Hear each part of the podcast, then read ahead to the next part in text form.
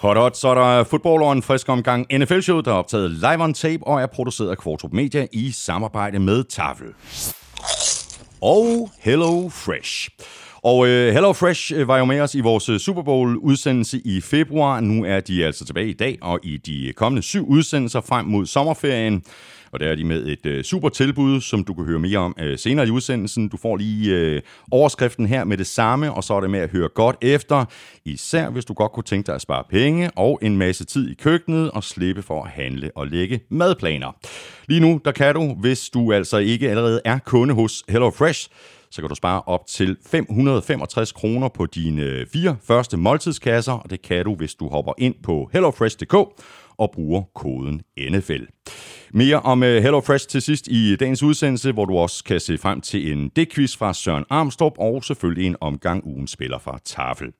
Derudover så går vi NFC igennem og ser på, hvordan de 16 hold er kommet igennem free agency-perioden, og fuldstændig ligesom vi gjorde det med øh, AFC i sidste uge, så tager vi holdene division for division. Vi nævner ikke alle spillere og alle trades, men hvis du vil øh, supplere i forhold til det, vi taler om i dag, så kan du øh, gå ind på Danmarks største og bedste fodboldsite, gulklud.dk, hvor der ligger en oversigt over de forskellige holds aktivitet. Og på gulklud.dk, der har du også muligheden for at lytte til NFL-showet, ligesom du selvfølgelig finder os alle de sædvanlige steder, som eksempelvis iTunes, Google Podcast og Spotify.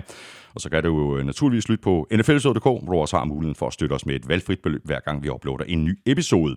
Det er der lige nu 662 dedikerede nfl fans, der har valgt at gøre, og tusind tak til hver og en af jer. Vi kunne ikke gøre det uden jeres hjælp. Tak også for de seneste anmeldelser i iTunes. Tak, hvis du har været forbi shoppen på nflshow.dk-shop og handlet lidt merchandise. Og tak, fordi du downloader og lytter og bruger lidt af din tid sammen med os. Jeg hedder Thomas Kvartrup, og her kommer min medvært.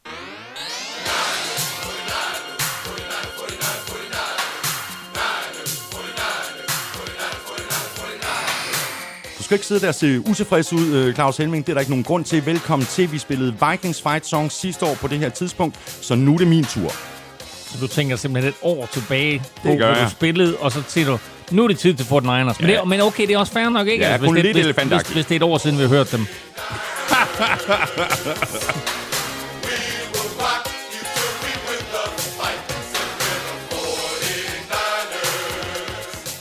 You dynamites! Ja, meget god den der med, hvis det er et år siden, at vi har hørt på Nice. Det tror jeg faktisk, det er tæt på at være rigtigt. Ja, det var, øh, det var selvfølgelig en skuffende sæson for dem øh, sidste år, efter at de stod i Super Bowl. Øh, de blev ramt både af, hvad skal vi sige, øh, lidt modgang og lidt skader og lidt lidt af hvert og så videre. Ja. Så nu håber vi på, at de kommer tilbage på fod. Ja, Og måske også derfor jo, at vi havde NFC West som ugens spilafstemning, fordi det bliver en meget, meget spændende division, hvor alle fire hold principielt kan vinde. ja. Og øh, den øh, afstemning var også meget, meget tæt. Det kan vi godt øh, allerede øh, afsløre nu. Men øh, ved du hvad, den egentlige grund til, øh, Elming, øh, at jeg spiller øh, 49ers øh, Fight Song, det er faktisk, fordi du har jo lavet en øh, mock draft på øh, gultud.dk. Korrekt. Øh, og øh, der er masser af skarpe valg. Og så er der lige pick nummer tre, Ja. hvor du går med Mac Jones. Jamen altså, for Niners har traded op på det der tredje valg, og vi ved, at Trevor Lawrence går et, og så ved vi faktisk ikke ret meget mere. Nej, Fordi øh, Jets, de kan gøre alt muligt på, på toeren der, og så kommer vi til, til 49ers. Hvad skal de så gøre på treeren? Der er mange, som mener at vide, at det er Mac Jones, de er ude efter, Mhm. mm-hmm. men vi har også set år efter år, at der kommer så meget røgslør fra klubberne. Så det kan godt være, at de smider Mac Jones ud i, øh, i æderen der, og så lader alle journalisterne tage Mac Jones og skrive historier om Mac Jones og sige, du ved, altså prøve på at være klog på Ja, forhånd, ikke? ja. Og når det så kommer til stykket, jamen altså, så er det Trey Lance, de er ude efter, eller en, øh, Justin Fields, eller hvem det nu måtte være. Lige præcis. Og, men, men det betyder med andre ord, at øh, du sådan lidt har købt øh, røgsløret, eller hvad? Fordi jeg går ikke ud fra, at du mener, at Mac Jones er det bedste valg på pick nummer tre. Altså, øh, set ud fra det synspunkt, at vi to, vi sidder her uge efter uge, og øh, det er dejligt kun at høre 49ers øh, fight song en gang hvert år. Så ville det være rart, hvis de tager Mac Jones. Jeg hørte en, øh, en 49ers podcast her, øh, her forleden, øh, en øh, podcast med en vært, der hedder Matt Mayoko. Øhm, og han talte med en af de her eksperter, der peger på, at øh, altså, hvorfor at 49ers øh, de vil tage Mac Jones. Hans argumenter var jo vanvittigt ringe. Han sagde, at det er simpelthen fordi, at han har haft så stor succes, altså Kyle Shanahan, med Jimmy Garoppolo, Kirk Cousins, Matt Ryan og Matt Sharp. Matt Sharp. Det, man, man, man trader simpelthen ikke op i draften for at drafte Matt Sharp. Selvfølgelig gør man ikke det, men altså, det, altså og, og øh, Matt Sharp var jo, øh, var jo også et lavt runde pick, øh, men, øh, og jeg tror, vi har talt om, at han var fra den der årgang sammen med Eli Manning og Ben Roethlisberger osv. Øh, men øh, pointen er jo ikke, om du trader op for at få Matt Sharp, pointen er den type af quarterback, som du kan få noget ud af. Ja. Og der minder Mac Jones jo meget om for eksempel en Kirk Cousins. Præcis. Og han er jo mere stationær end nogle af de andre quarterbacks, som kommer ind i NFL ja. i de her dage. Og måske er det netop den type af quarterback, som øh, Kyle Shanahan gerne vil have. Jeg kan godt sige dig, hvis øh, Kyle Shanahan øh, og John Lynch øh, vælger Mac Jones, så skal jeg simpelthen spise så mange taffelchips. Jeg skal simpelthen sidde og trøste spise i, i, i flere døgn. Hvis han derimod er fornuftig og øh, napper et af de andre navne, mm. så skal jeg fejre det med en masse taffelchips. Nu er der... Derfor, pågår det. Jeg var lige ved at stille et spørgsmål. Det kan vi vente med til draften. Øh, jeg har masser af spørgsmål til det der. Nej, hvad, hvad, hvad, hvad, hvad, hvad tænker du på? Jeg tænker bare på, øh, altså sådan øh, lige nu og her, med omkring tre uger til draften, små tre uger til draften, øh, to og en halv uge til draften, øh, to, to dage til draften. Who's counting? øh, hvem, hvem håber du på, de tager? Ah, jeg er, meget, jeg er meget i tvivl. Altså, hvis det er uh, Trey Lance og Justin Fields, der er at vælge mellem, og så Mac Jones, ikke? Mm. Jeg hælder stadigvæk til, uh, til Fields, mm. uh, selvom jeg godt kan se, at Trey Lance har masser af kvalitet ja. også. Jamen, uh, prøv at høre. Jeg glæder mig sindssygt meget, til vi skal i gang med vores draft-podcasts. Vi starter i næste uge, det og så selvfølgelig op til, til, til draften. Men i dag, der drejer det sig om NFC, det drejer sig om free agency, og det drejer sig om taffelchips. Det gør det nemlig lige præcis. Og jeg kigger ned i posen, og jeg kan se, det er en farverig pose i dag. Jeg tager sådan en blå pose her, og den, den, den lignede, jeg, jeg tænkte, det var en pose, jeg har haft før, det lignede sådan lidt mere sådan en, øh, jeg var sådan lidt over i noget Seattle Seahawks farve, men det er det ikke rigtigt. Det her, det er til gengæld en Super Snacks American Ranch, en af vores gennem tiden vel sagtens yndlinge. Det er det. Og der kommer mere Super Snack her. Jeg, tror, jeg tror, at øh, MVP, øh, Christina, har lavet sådan et, øh, et tema øh, omkring noget, der er rigtig, rigtig sprødt. Ah, ja, fordi det her det er Super Snack Holiday, som jo også er lækkert, så kommer der en grøn pose hernede. Det må næsten være, det er det. Det er vores nye yndlinge, nemlig Extra Crispy Truffle Super Crunch Cheddar Sour Cream and Onion.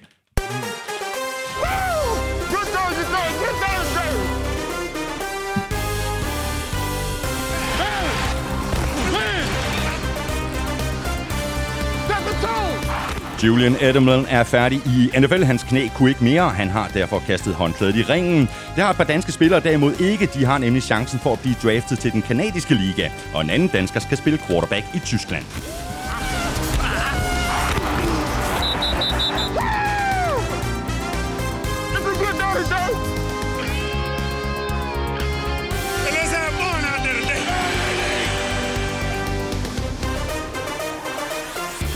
Sidste uge gik vi AFC igennem i forhold til free agency. I dag gør vi det samme med NFC. Hvilke hold er sluppet bedst gennem de hektiske uger, og hvilke hold har gjort det knap så godt. Det får du bud på, hvis du bliver hængende.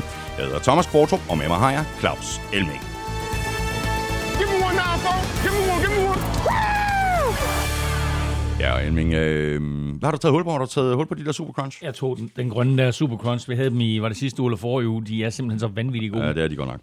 Øh, som jeg lige nævnte, øh, så er det jo godt, det er jo godt nok en, en nyhed fra, fra AFC, men sådan er det. Øh, den tredobbelte Super Bowl vinder for Patriots, Julian Edelman, har valgt at trække sig tilbage, og det kommer jo ikke som det helt store chok. Han har virkelig haft problemer med skader, ikke mindst med sine knæ her de seneste par år. Det har han. Um, sad ude næsten hele sidste sæson, blev opereret i oktober og mistede de sidste 10 kampe. Det var så heller ikke en, en sæson, der var mindeværdig på nogen måde for, for Patriots. Nej. Men nu har han altså valgt, han missede en, øh, eller han kiksede en, en øh, fysisk test øh, mandag, og derfor så har han øh, altså valgt at trække sig tilbage.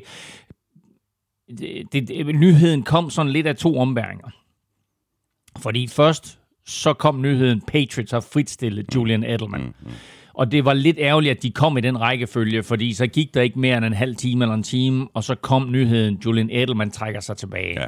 Og der kunne man godt have ønsket lidt, at Patriots lige havde ventet med at, øh, at indrapportere øh, det her til NFL, fordi alle handler skal indrapporteres, og når jeg siger handler, så drejer det sig også om, når man fritstiller en spiller, og der indrapporterede Patriots altså til NFL, at Julian Edelman blevet fritstillet og sådan en rapport, den kommer omgående ud til samtlige amerikanske medier, og så skriver de, uh, mm. øh, han er blevet fritstillet. Og jeg skrev selv artiklen i aftes inde på Gud Klud, og nåede også at udgive den. Og nærmest i det øjeblik, jeg udgav den, der så jeg så, at øh, han i stedet for øh, at blive fritstillet, eller oven i at blive fritstillet, også valgte at trække sig tilbage. Mm. Og det synes jeg egentlig var både en større nyhed, og også en mere værdig øh, nyhed, at i det øjeblik, at, at hans krop ligesom ikke kunne mere, så valgte han simpelthen at trække stikket. Mm. Nu skal vi selvfølgelig øh, tale draft i næste uge. Vi skal også øh, lave vores øh, mock draft om to uger. Vi kan så småt for alvor begynde at se frem mod NFL-draften 2021 her, hvor der sådan ligesom er kommet lidt mere ro øh, omkring øh, free agency. Men øh, nu skal vi faktisk have lidt øh, danskerdong, fordi øh, på torsdag der er der nemlig en anden draft. Det er den øh, globale draft til den kanadiske fodboldliga CFL. Og her kan vi godt begynde at krydse fingre for to danskere, nemlig Philip Andersen og Steven Nielsen. Ja, det er rigtig spændende faktisk, fordi øh, øh den kanadiske liga der øh, har indført nogle regler om, at alle klubberne skal have minimum to internationale spillere i truppen, og derudover tre internationale spillere, eller kan de tilføje tre internationale spillere på deres practice squad. Øhm, den kanadiske liga spiller jo efter nogle lidt andre regler og så videre, men for mange spillere, også nuværende NFL-spillere, har det jo været en mm. gateway til at komme ind øh, i NFL. Præcis. Og på torsdag, der er der så den første globale draft nogensinde. Øh, den kanadiske fodboldliga har før haft en meksikansk draft og så en europæisk draft. Men her, der laver de altså nu en global draft, hvor alle spiller i samme pulje. Øh, den kanadiske liga består nu øh, efterhånden kun af ni mandskaber, og der er så fire runder her, så altså i alt 36 spillere. Og, øh, og især Steven Nielsen, altså den her offensive lineman, som var tilknyttet Jacksonville Jaguars sidste år, øh, han forventes at gå ret højt i den her draft på torsdag, og jeg har også talt med kicker Philip Andersen, mm. som øh, også håber øh, at få chancen i den kanadiske liga. Han har i hvert fald været i kontakt med, med flere klubber. Og så er der faktisk et par andre danske, og Lars Carlsen, den danske landstræner, sendt mig listen over alle de spillere, som er tilmeldt den her draft. Og man, man skulle formode, at Lars han havde øh, fingeren på pulsen, men han var simpelthen også overrasket over nogle af de danske navne, der var på listen. Men en af de mest interessante navne er en uh, ung running back, som jeg har fulgt siden han vel sagtens var 16, der hedder Michel Konate, som uh, spiller for Copenhagen Towers. Uh, jeg ved ikke, om han har talentet til at begå sig, men han er i hvert fald super sjov at se på, og de gange, jeg har set ham spille, der har han selv, da han var, var fra, fra han var ganske ung, været uh, dominerende spiller, mm. uh, som uh, både havde fart i stængerne og kunne snyde folk osv. Så, videre. så øh, hvis han kan få en chance i den kanadiske liga, jamen altså, så er det da en, en kæmpe mulighed for sådan en knægt. Ja, du tosset, mand. Øh, og som du også siger, øh, Elming, øh, det er lige præcis et godt øh, sted at vise sig frem. Man kan selvfølgelig få en, en karriere i kanadisk fodbold, men det er altså også et godt udstillingsvindue, hvis man gerne vil videre til, til NFL. Ja, ja, helt sikkert. Og for sådan en som Steven Nielsen, der er det jo også et spørgsmål om, at det er altid bedre at komme ind og få noget spilletid. Ikke kun for at vise dig frem, men simpelthen også bare for at raffinere din teknik. Og han røg jo lidt ud med badevandet der i Jacksonville sidste år og så videre. Øh, og det var også ærgerligt for ham selvfølgelig, det øjeblik, at han bliver tilknyttet klubben, at preseason og training camp og alt, hvad der hørt med til en til, til en sæson øh, op til, eller alt, alt det, der går op til en sæson, at det blev så decimeret sidste år, som det gjorde. Øh, så der kunne jeg godt håbe lidt på, at øh, Steven han kommer ind, og så får øh, spilleglæden ja, og, og evnen til at spille igen øh, tilbage, og viser sig lidt frem i den kanadiske liga. Vi krydser fingre for dem alle sammen, øh, og så har vi faktisk en anden øh, dansker, som vi også lige skal tale om. Han gør det også rigtig godt. Øh, han skal nu spille i den tyske liga. Det er den bedste liga i Europa. Det er den 25-årige landsholdsquarterback Alexander Kronborg. Han har skrevet under med Ravensburg Razorbacks hvor han faktisk skal være startende ja, quarterback. Det er mega, det er mega blevet. Ja, når vi, når vi taler om danske spillere, som jeg har fulgt i nogle år, så må jeg sige, at første gang jeg så Alexander Kronborg spille for OB 89ers i en kamp op på Gentofte Stadion mod Copenhagen Towers, der tænkte jeg bare, hold da kæft, hvor er han god. Øh, meget imponeret over ham. Altså, øh, det er jo sjældent, at man siger om en dansk quarterback, at han kan levere alle kast i bogen, men det er lige ved, at han kan. Altså et af de sværeste kast, det er den dybe out, og den så jeg ham altså levere flere af. Han har også evnen til at, at, at levere svære kast ind over midten af banen. Virkelig, virkelig en dygtig quarterback, og nu får Alexander Kronborg altså muligheden her i, i den tyske liga, som er den bedste liga i Europa. Øh, jeg tvivler på, at, at, at det er en mulighed for ham til at komme til NFL. Det, det, det dertil er skridtet simpelthen altså alt, alt, alt for langt, men altså hvem ved, det kan også være, at han kommer videre til Canada. Mm. Men øh, en super mulighed i hvert fald for Alexander. Mm. Så er der spørgsmål her fra øh, Michael Nygaard i forhold til noget, som vi talte om i sidste uge. Han skriver sådan her, nu snakkede I om øh, fordeling af ude- og hjemmekampe med 17 kampe. Men kunne det tænkes, at NFL gik mere offensivt på internationale kampe, så alle hold har en kamp hver sæson? Det vil kunne give en fordeling på 8 ude- og 8 hjemmekampe, og så en på neutral grund. Og det er der noget, som allerede er blevet talt om i NFL-kredse, og nu har de jo meldt ud, at der kommer minimum fire internationale kampe. Jeg kunne så faktisk lige skrive en nyhed i går på Gud Klud om, at Jacksonville Jaguars er meget langt frem i forhandlingerne med øh, det britiske fodboldforbund, FA, altså dem, der står for den runde fodboldkugle, ikke? fordi det også er dem, som øh, ejer øh, Wembley. Og øh, de er langt hen i forhandlingerne om at få en, en Wembley-kamp her til efteråret så er der en vis forhåbning om, at, øh, at vi får i hvert fald som minimum to NFL-kampe til London, og hvis alt går vel, så tror jeg faktisk, at vi kan få tre eller fire.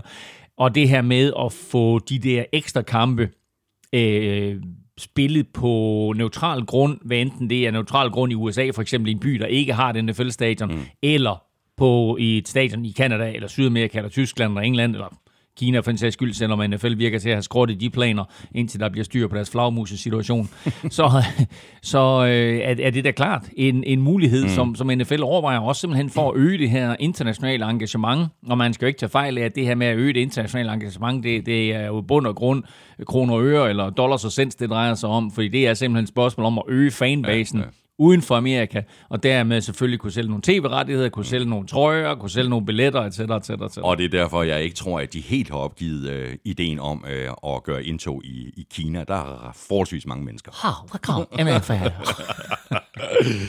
Så plejer vi jo lige, uh, Elming, uh, det har været uh, næsten en tradition her de seneste udsendelser, lige at runde sagaen om Deshaun Watson, og som jeg forstår det, så er der i øjeblikket rygter om, at han forsøger at lukke de her, hvad er vi oppe på efterhånden, 22, 22 uh, sager, mm. hvis simpelthen at lave en aftale med de her kvinder, i stedet for at sagerne for eksempel risikerer ind i retten. Jamen altså, det, jamen, det er jo en, en mærkelig sag at følge med i, og, og du kom jo også med en eller anden konspirationsteori i sidste uge om, at det var en eller anden lokal advokat, der ønsker at beholde Deshaun Watson mm. i Texas, som som øh, på en eller anden måde har, har enten fundet på det her, eller fundet frem til de her kvinder.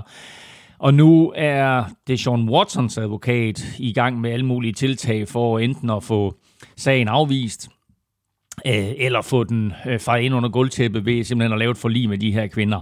En af de ting, som der er sket i sagen, øh, det er, at øh, nogle af de her kvinder øh, har lagt sag an mod det Sean Watson anonymt. Og det sagde Jason Watsons advokat, at det kunne man, det, altså på den måde, der kunne man jo ikke se, hvem det var. Nej. Det ligger ligesom i sagens natur.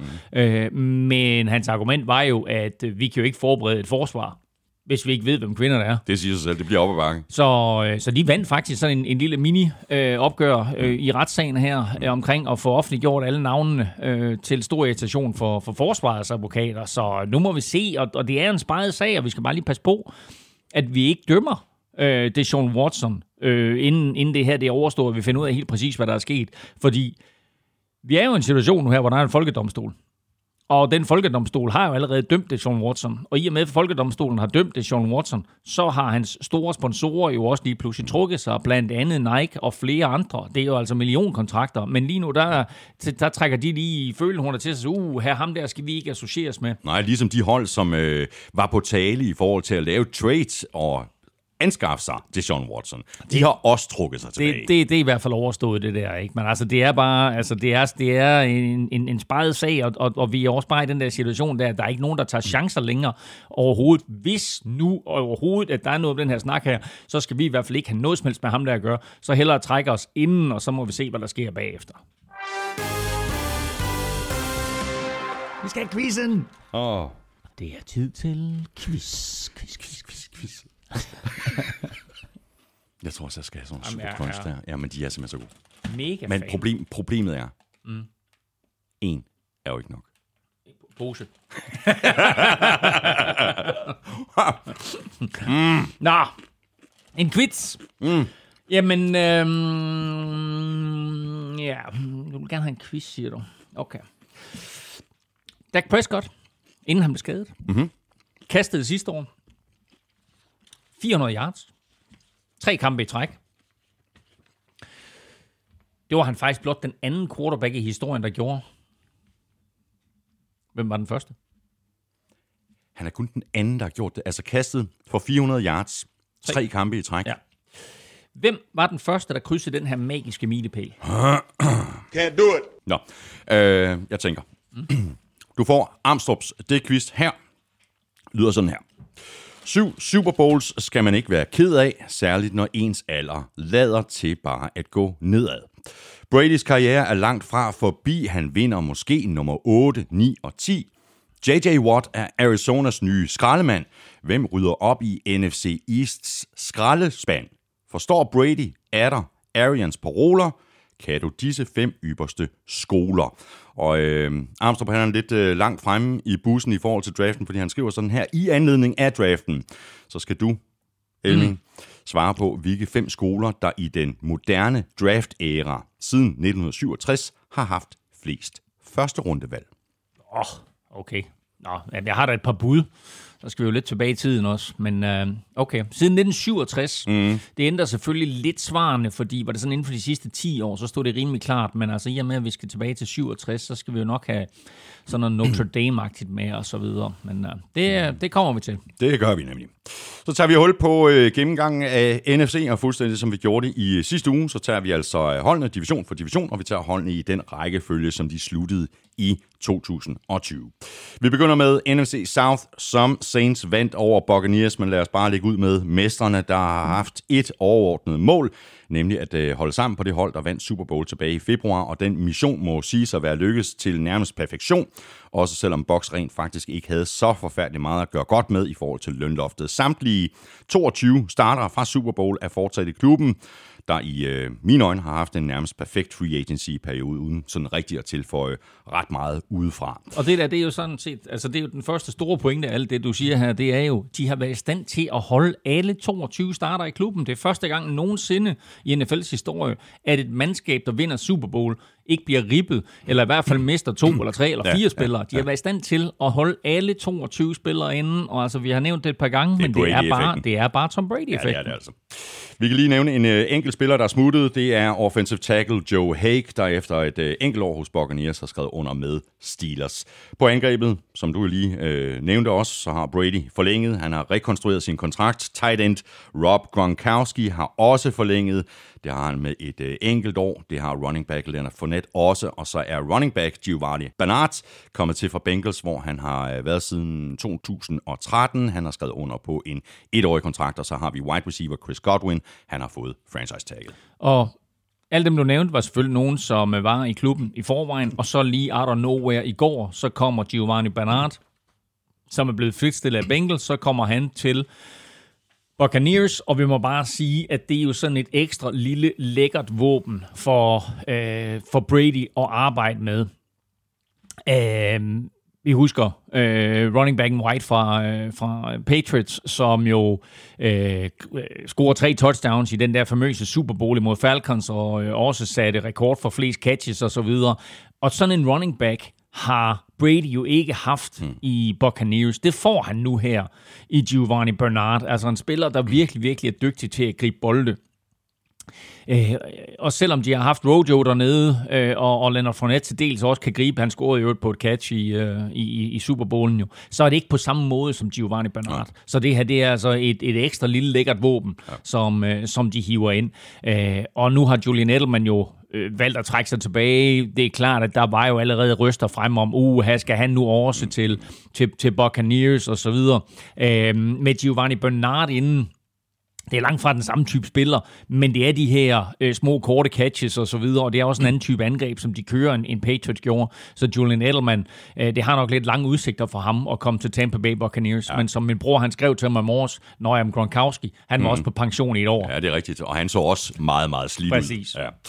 Så en øh, vigtig forlængelse på øh, forsvaret, hvor øh, outside linebacker Shaq Barrett har fået en øh, fireårig kontrakt til den nette sum af 68 millioner, hvoraf de øh, 36 millioner er garanteret. Og der var jo stor frygt for selvfølgelig, at han ville forlade øh, Super Bowl-mesterne og gå ud og score kassen. Nu blev han i stedet for i Tampa Bay og scorede kassen.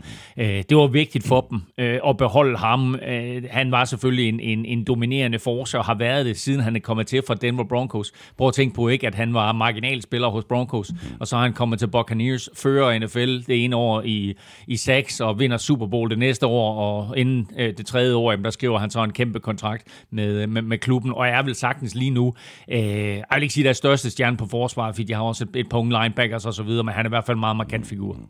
Et par øh, andre vigtige forlængelser på forsvaret, det er defensive tackle Nadama Kong Su, der har forlænget med et år, og linebacker Lavonte David, han har forlænget med to år. Ja, Su øh, forlænger lige karrieren der, men også vigtigt for dem at beholde ham. Øh, vi så, hvor vigtigt øh, det er, når, når han og Vita Vea kan være på banen sammen. Det er en Gusten-Gusten duo, øh, og vel sagtens den bedste defensive tackle duo overhovedet øh, i NFL, når de er på banen sammen. Øh, og som vi også talte om i forbindelse med vores nedtakt fra Super Bowl, ikke? Jamen, altså den for, formation, som, øh, som Buccaneers de stillede op i til Super Bowl. Det var en 2-4-5. Mm. Jeg har aldrig set noget lignende. Der var kun altså officielt to defensive linemen på banen. Det var Sue og, og Vita Vea. Uh, nu er de altså fortsat begge to i klubben, og så Lavonte David, ikke? Altså limen på det her ja, ja. mandskab. Vigtigt, at, øh, at de får forlænget ham, uh, og får også rekonstrueret hans kontrakt, så der også bliver frigivet lidt penge der. Præcis. Og så kan vi lige nævne linebacker Kevin Minter, der har forlænget sin kontrakt med et år, og kicker Ryan Suckup har forlænget med tre år.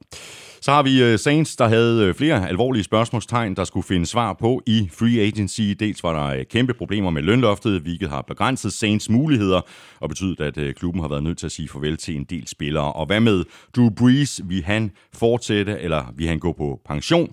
Han valgte det sidste, og dermed er en æra i NFL, og selvfølgelig ikke mindst i New Orleans slut. Saints har så forlænget med både Taysom Hill og James Winston i forhold til Taysom Hill. Der forlød det første, at han havde fået en fireårig kontraktforlængelse til 140 millioner. Det er så øh, funny money, øh, der er blevet brugt til at trylle med lønloftet, noget som Saints altid har været dygtig til.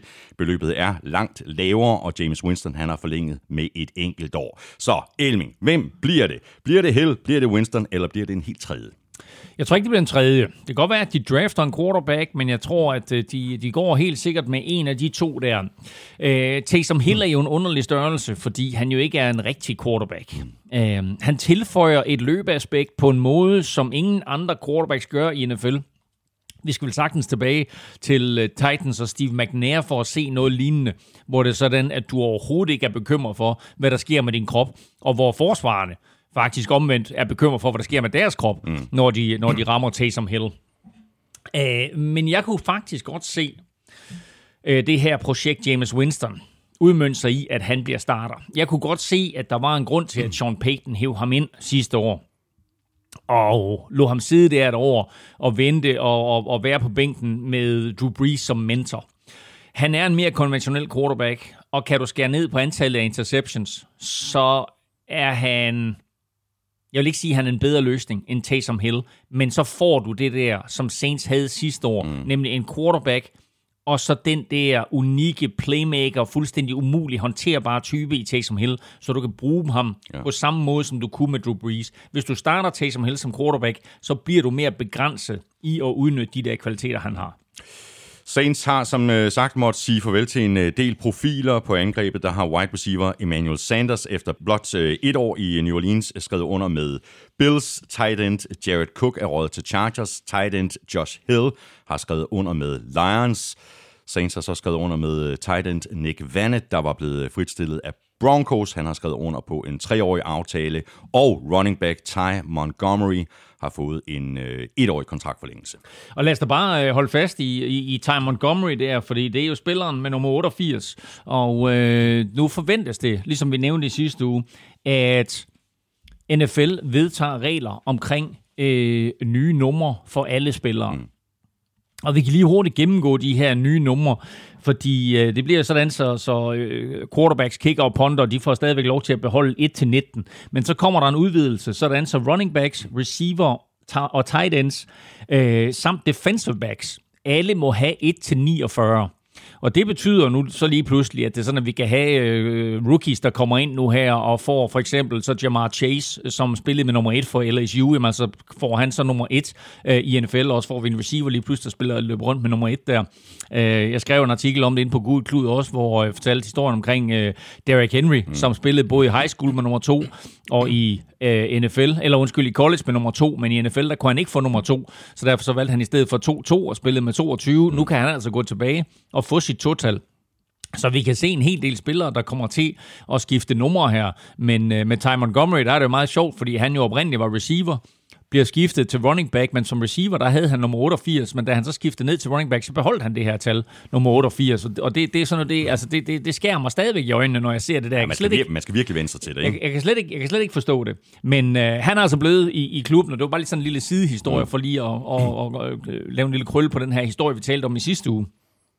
Øh, gå ind og tjekke alle de nye numre der i, i artiklen på, på, på Gud Klud, men vi kan altså se øh, nogle meget interessante og, og nye og øh, anderledes numre. De eneste, som ligesom beholder deres numre, det er offensive lineman og defensive lineman. Ja. Alle andre, de har altså mulighed for at, at få ekstra numre til. Og ellers så vil jeg jo sige, du nævner rigtig mange spillere, som har forladt klubben og ganske få, der er kommet til. Og det samme gør sig gældende på forsvaret. Ja, ja. Og det er jo simpelthen et spørgsmål om, at Saints har sat sig i så dårlig en salary cap position, at de er nødt til at tage det store skrald nu.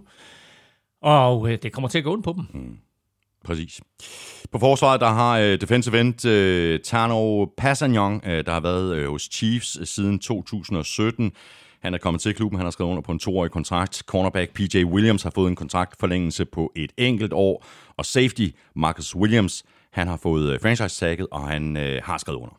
Det har han, og det var en vigtig øh, kontrakt for dem at få styr på, fordi de mister så mange spillere på begge sider af bolden, at øh, en ung øh, up-and-coming stjerne som Marcus Williams, som er blevet bedre og bedre over for år, det var vigtigt for dem at beholde ham i klubben.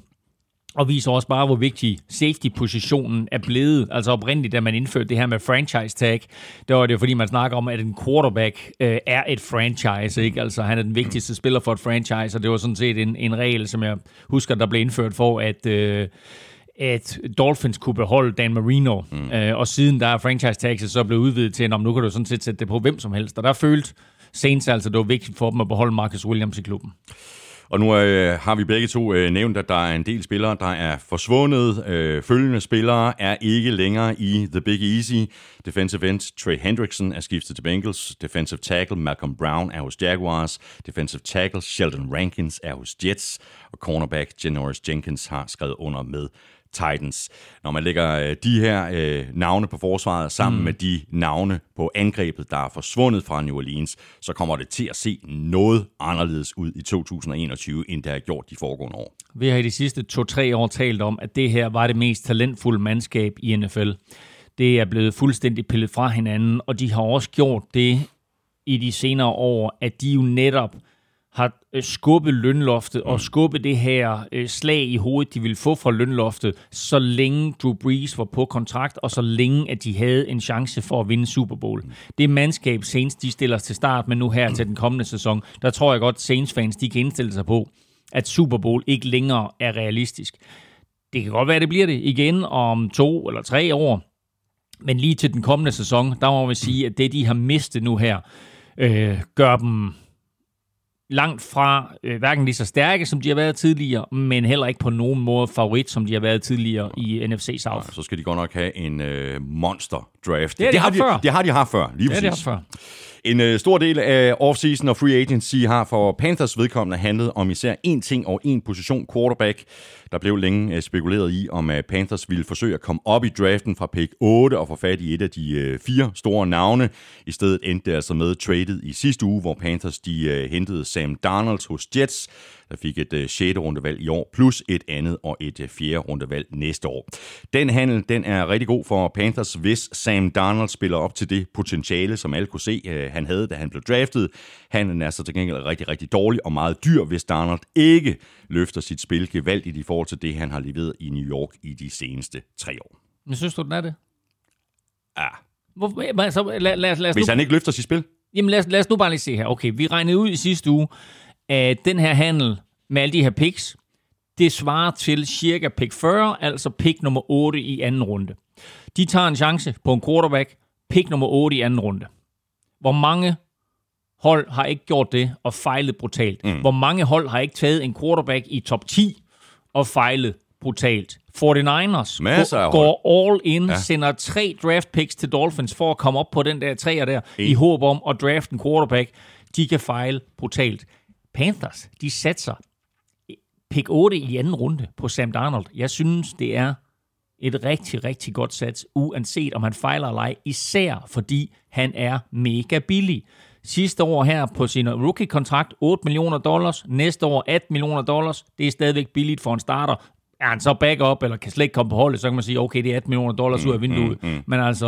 Og så har de jo muligheden for, øh, for femteårs øh, optionen oveni. Jamen, det er den her. Det er, det, Nå, okay, det, det, det er de 18 millioner, ikke? Fordi er fjerde, fjerde, fjerde Yes. år er de 8 millioner, og så femte års option er de 18, ikke? Um, og øh, jeg, synes, jeg, synes, jeg, synes, det er, jeg synes, det er en god handel. Det synes jeg. Lad os håbe for Panthers, at øh, Sam Darnold han, øh, kan udnytte den her friske start, fordi det, det, har ikke, det har ikke set voldsomt godt ud. Nej, og, og jeg, jeg, jeg har måske haft så meget ondt af, af Sam Darnold, at, at jeg er villig til at se på øh, nogle af de dårlige plays, han har lavet, er jeg måske villig til at kigge væk fra, og så se på alle de gode plays og sige, nej, hvor er han fantastisk. Mm. Nu skal han ind, og så skal han bevise, at i nye omgivelser med en ny head coach, og øh, sammen med Robbie Anderson, som han trods alt havde en, en vis form for succes med i, i New York Jets, at, at han kan få det til at fungere og, og være bedre end det, vi har set indtil videre. Det her, det er jo øh, head coach Matt Rules andet år i klubben, og han og øh, GM Scott Federer har ville sørge for, at øh, uanset hvem der skulle spille quarterback, så var den offensive linje adresseret. Offensive guard Pat Elfline, der senest har spillet for Jets, han har fået en kontrakt på tre år. Offensive guard John Miller er kommet til for Bengals, han har skrevet under på en etårig aftale. Offensive tackle Cam Irving er kommet til for Cowboys, han har skrevet under på en toårig kontrakt. Og sidst, men så sandelig ikke mindst, så har offensive tackle Taylor Moten fået franchise-tagget. Og den sidste er vigtig, fordi han er den offensiv linjes bedste spiller, så øh, det er vigtigt for, for øh, Sam Darnold, at han har noget beskyttelse i, øh, i moden. Cam Irving, der kommer til fra Cowboys, er også okay. Øh, det, er, det, det, det er en fin tilføjelse. Øh, Pat Elfline spillede han jo sammen med hos Jets, øh, og han er tidligere første rundevalg, eller i hvert fald anden rundevalg for Vikings. Uh, han har på ingen måde uh, levet op til det potentiale, eller, eller til den høje draft-status i sin tid i NFL. Uh, så øh, det, det ved jeg ikke, hvorfor de lige følte, at, at han skulle være en opgradering. Uh, så jeg kunne faktisk godt se Panthers i draften gå efter en offensive lineman, mm. og som jeg lige husker min mock draft, så havde jeg også Rashawn Slater mm. til, til Panthers i den draft. Og når vi nu øh, alligevel er ved angrebet, så har wide receiver Curtis Samuel sagt farvel til Panthers efter fire sæsoner. Han har skrevet under med Washington. Running back Mike Davis, han bliver i divisionen. Han skifter til øh, Falcons. Tight end Dan Arnold er kommet til klubben. Han har spillet de øh, seneste par sæsoner for Cardinals. Han har skrevet under på en toårig aftale. Og wide receiver David Moore, der blev draftet af Seahawks tilbage i 2017. Han har fået en kontrakt på to år. Og David Moore er en fin tilføjelse, men der er en tilføjelse, som du ikke nævner. Ja. Christian McCaffrey.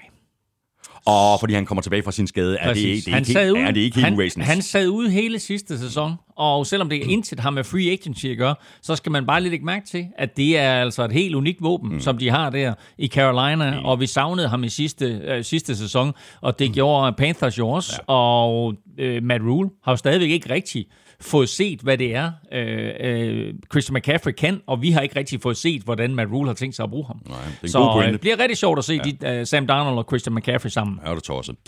På forsvaret der er der også øh, sket lidt, ikke mindst i de forreste kaleder, hvor defensive end Steven Weatherly er råd til Vikings. Til gengæld er, er defensive end Morgan Fox kommet til fra Rams. Han har fået en toårig aftale.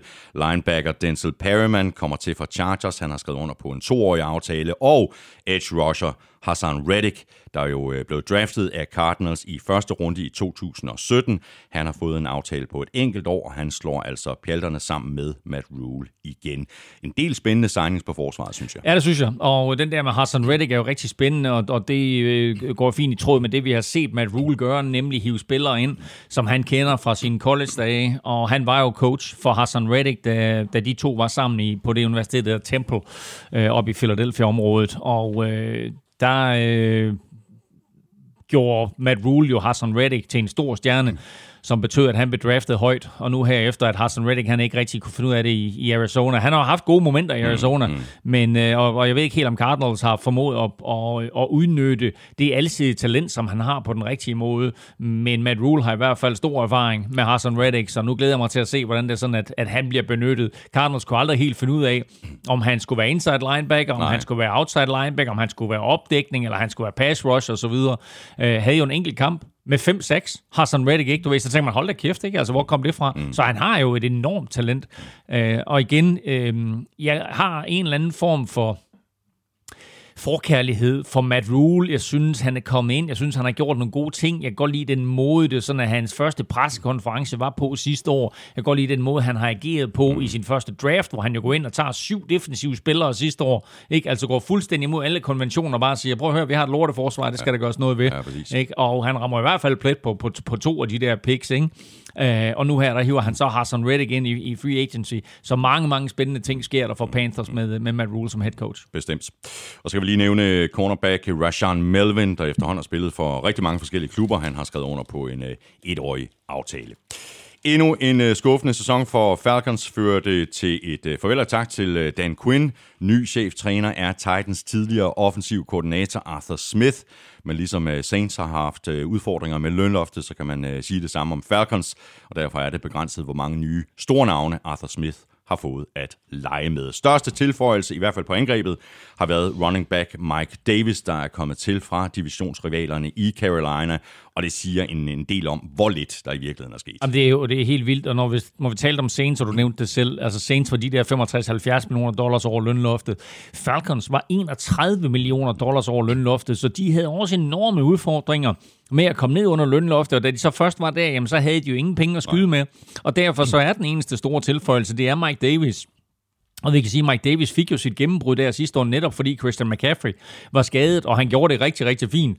Og der var rigtig mange fantasy-spillere, som også fik samlet Mike Davis op og tænkte, åh, det var da, det var da en dejlig tilføjelse osv. Ja. Øh, og det bliver jo lidt interessant med Mike Davis, fordi han jo nok skal ind og være Derrick Henry. Øh, det er Arthur, Arthur Smith, der kommer til som, øh, som head coach. Øh, det staves A-R-S-U-R. S-M-I-S. Øh, Arthur Smith. Arthur Smith. Arthur Smith. Øh, han er kommet til som head coach, og det er jo ham, som ligesom kørte det her angreb i stilling i, i Tennessee med Derrick Henry og Ryan Tannehill. Nu har vi Matt Ryan, og så skal Mike Davis jo nok ind mm. og være, være den her Derrick Henry-type. Rigtig, rigtig spændende at se, øh, hvad Falcons formår at gøre i år. Og jo også spændende at se, hvad der kommer til at ske i draften for dem. Fordi hvad gør de på det der pick 4? Pick 4, lige præcis. De har jo, de har jo øh, øh, sendt en åben invitation ud og sagt, at vi er klar til at handle. Så hvem øh, kunne, vi, vi snakkede lidt om Patriots ja. i sidste uge, måske kunne de finde på at trade op. Måske kunne Broncos finde på at trade op. Hvem ved? Altså, Falcons har alle muligheder. De kan draft fremtidens quarterback. De kan draft ham der super tight enden Kyle Pitts. Mm. Eller de kan trade det der ja. fjerde valg. Uh, så øh, det er jo en af de, de helt store åbne spørgsmål. Draften, og vi kommer til at tale meget mere om det, går jo egentlig først i gang ved pick 4. Mm. Og så må vi se, hvad der sker der. Ja, det bliver spændende. Tight end Lee Smith er kommet til i et uh, trade med Bills, der får et uh, sent pick uh, retur i næste års draft. Offensive guard Josh Andrews kommer til fra Jets. Han har fået en etårig kontrakt. Til gengæld så er det slut for center Alex Mack i Atlanta. Han er kommet hjem til Kyle Shanahan, som han jo har spillet for i både Falcons og Browns tidligere.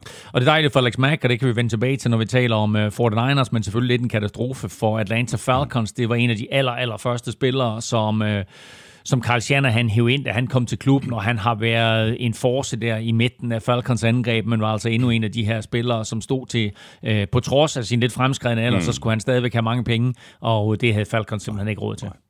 Og på forsvaret, der har Falcons sagt farvel til safety Keanu Neal, der har skrevet under med Cowboys, og så har der ellers været fokus på bredden på forsvaret, hvor det i høj grad mest er etårige flyers, der kendetegner de handler, som Panthers har gennemført.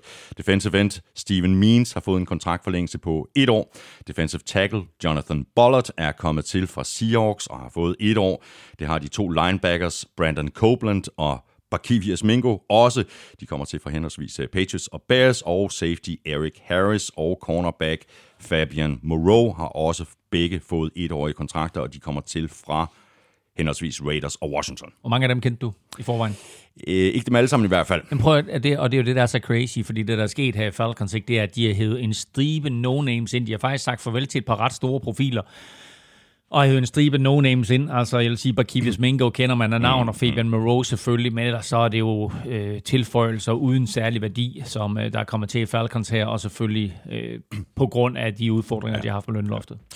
Så springer vi til uh, NFC Vest, øh, som Seahawks vandt i 2020. Uh, det har været lidt overraskende at følge med i rygterne omkring uh, Russell Wilson her i offseason og frem mod free agency.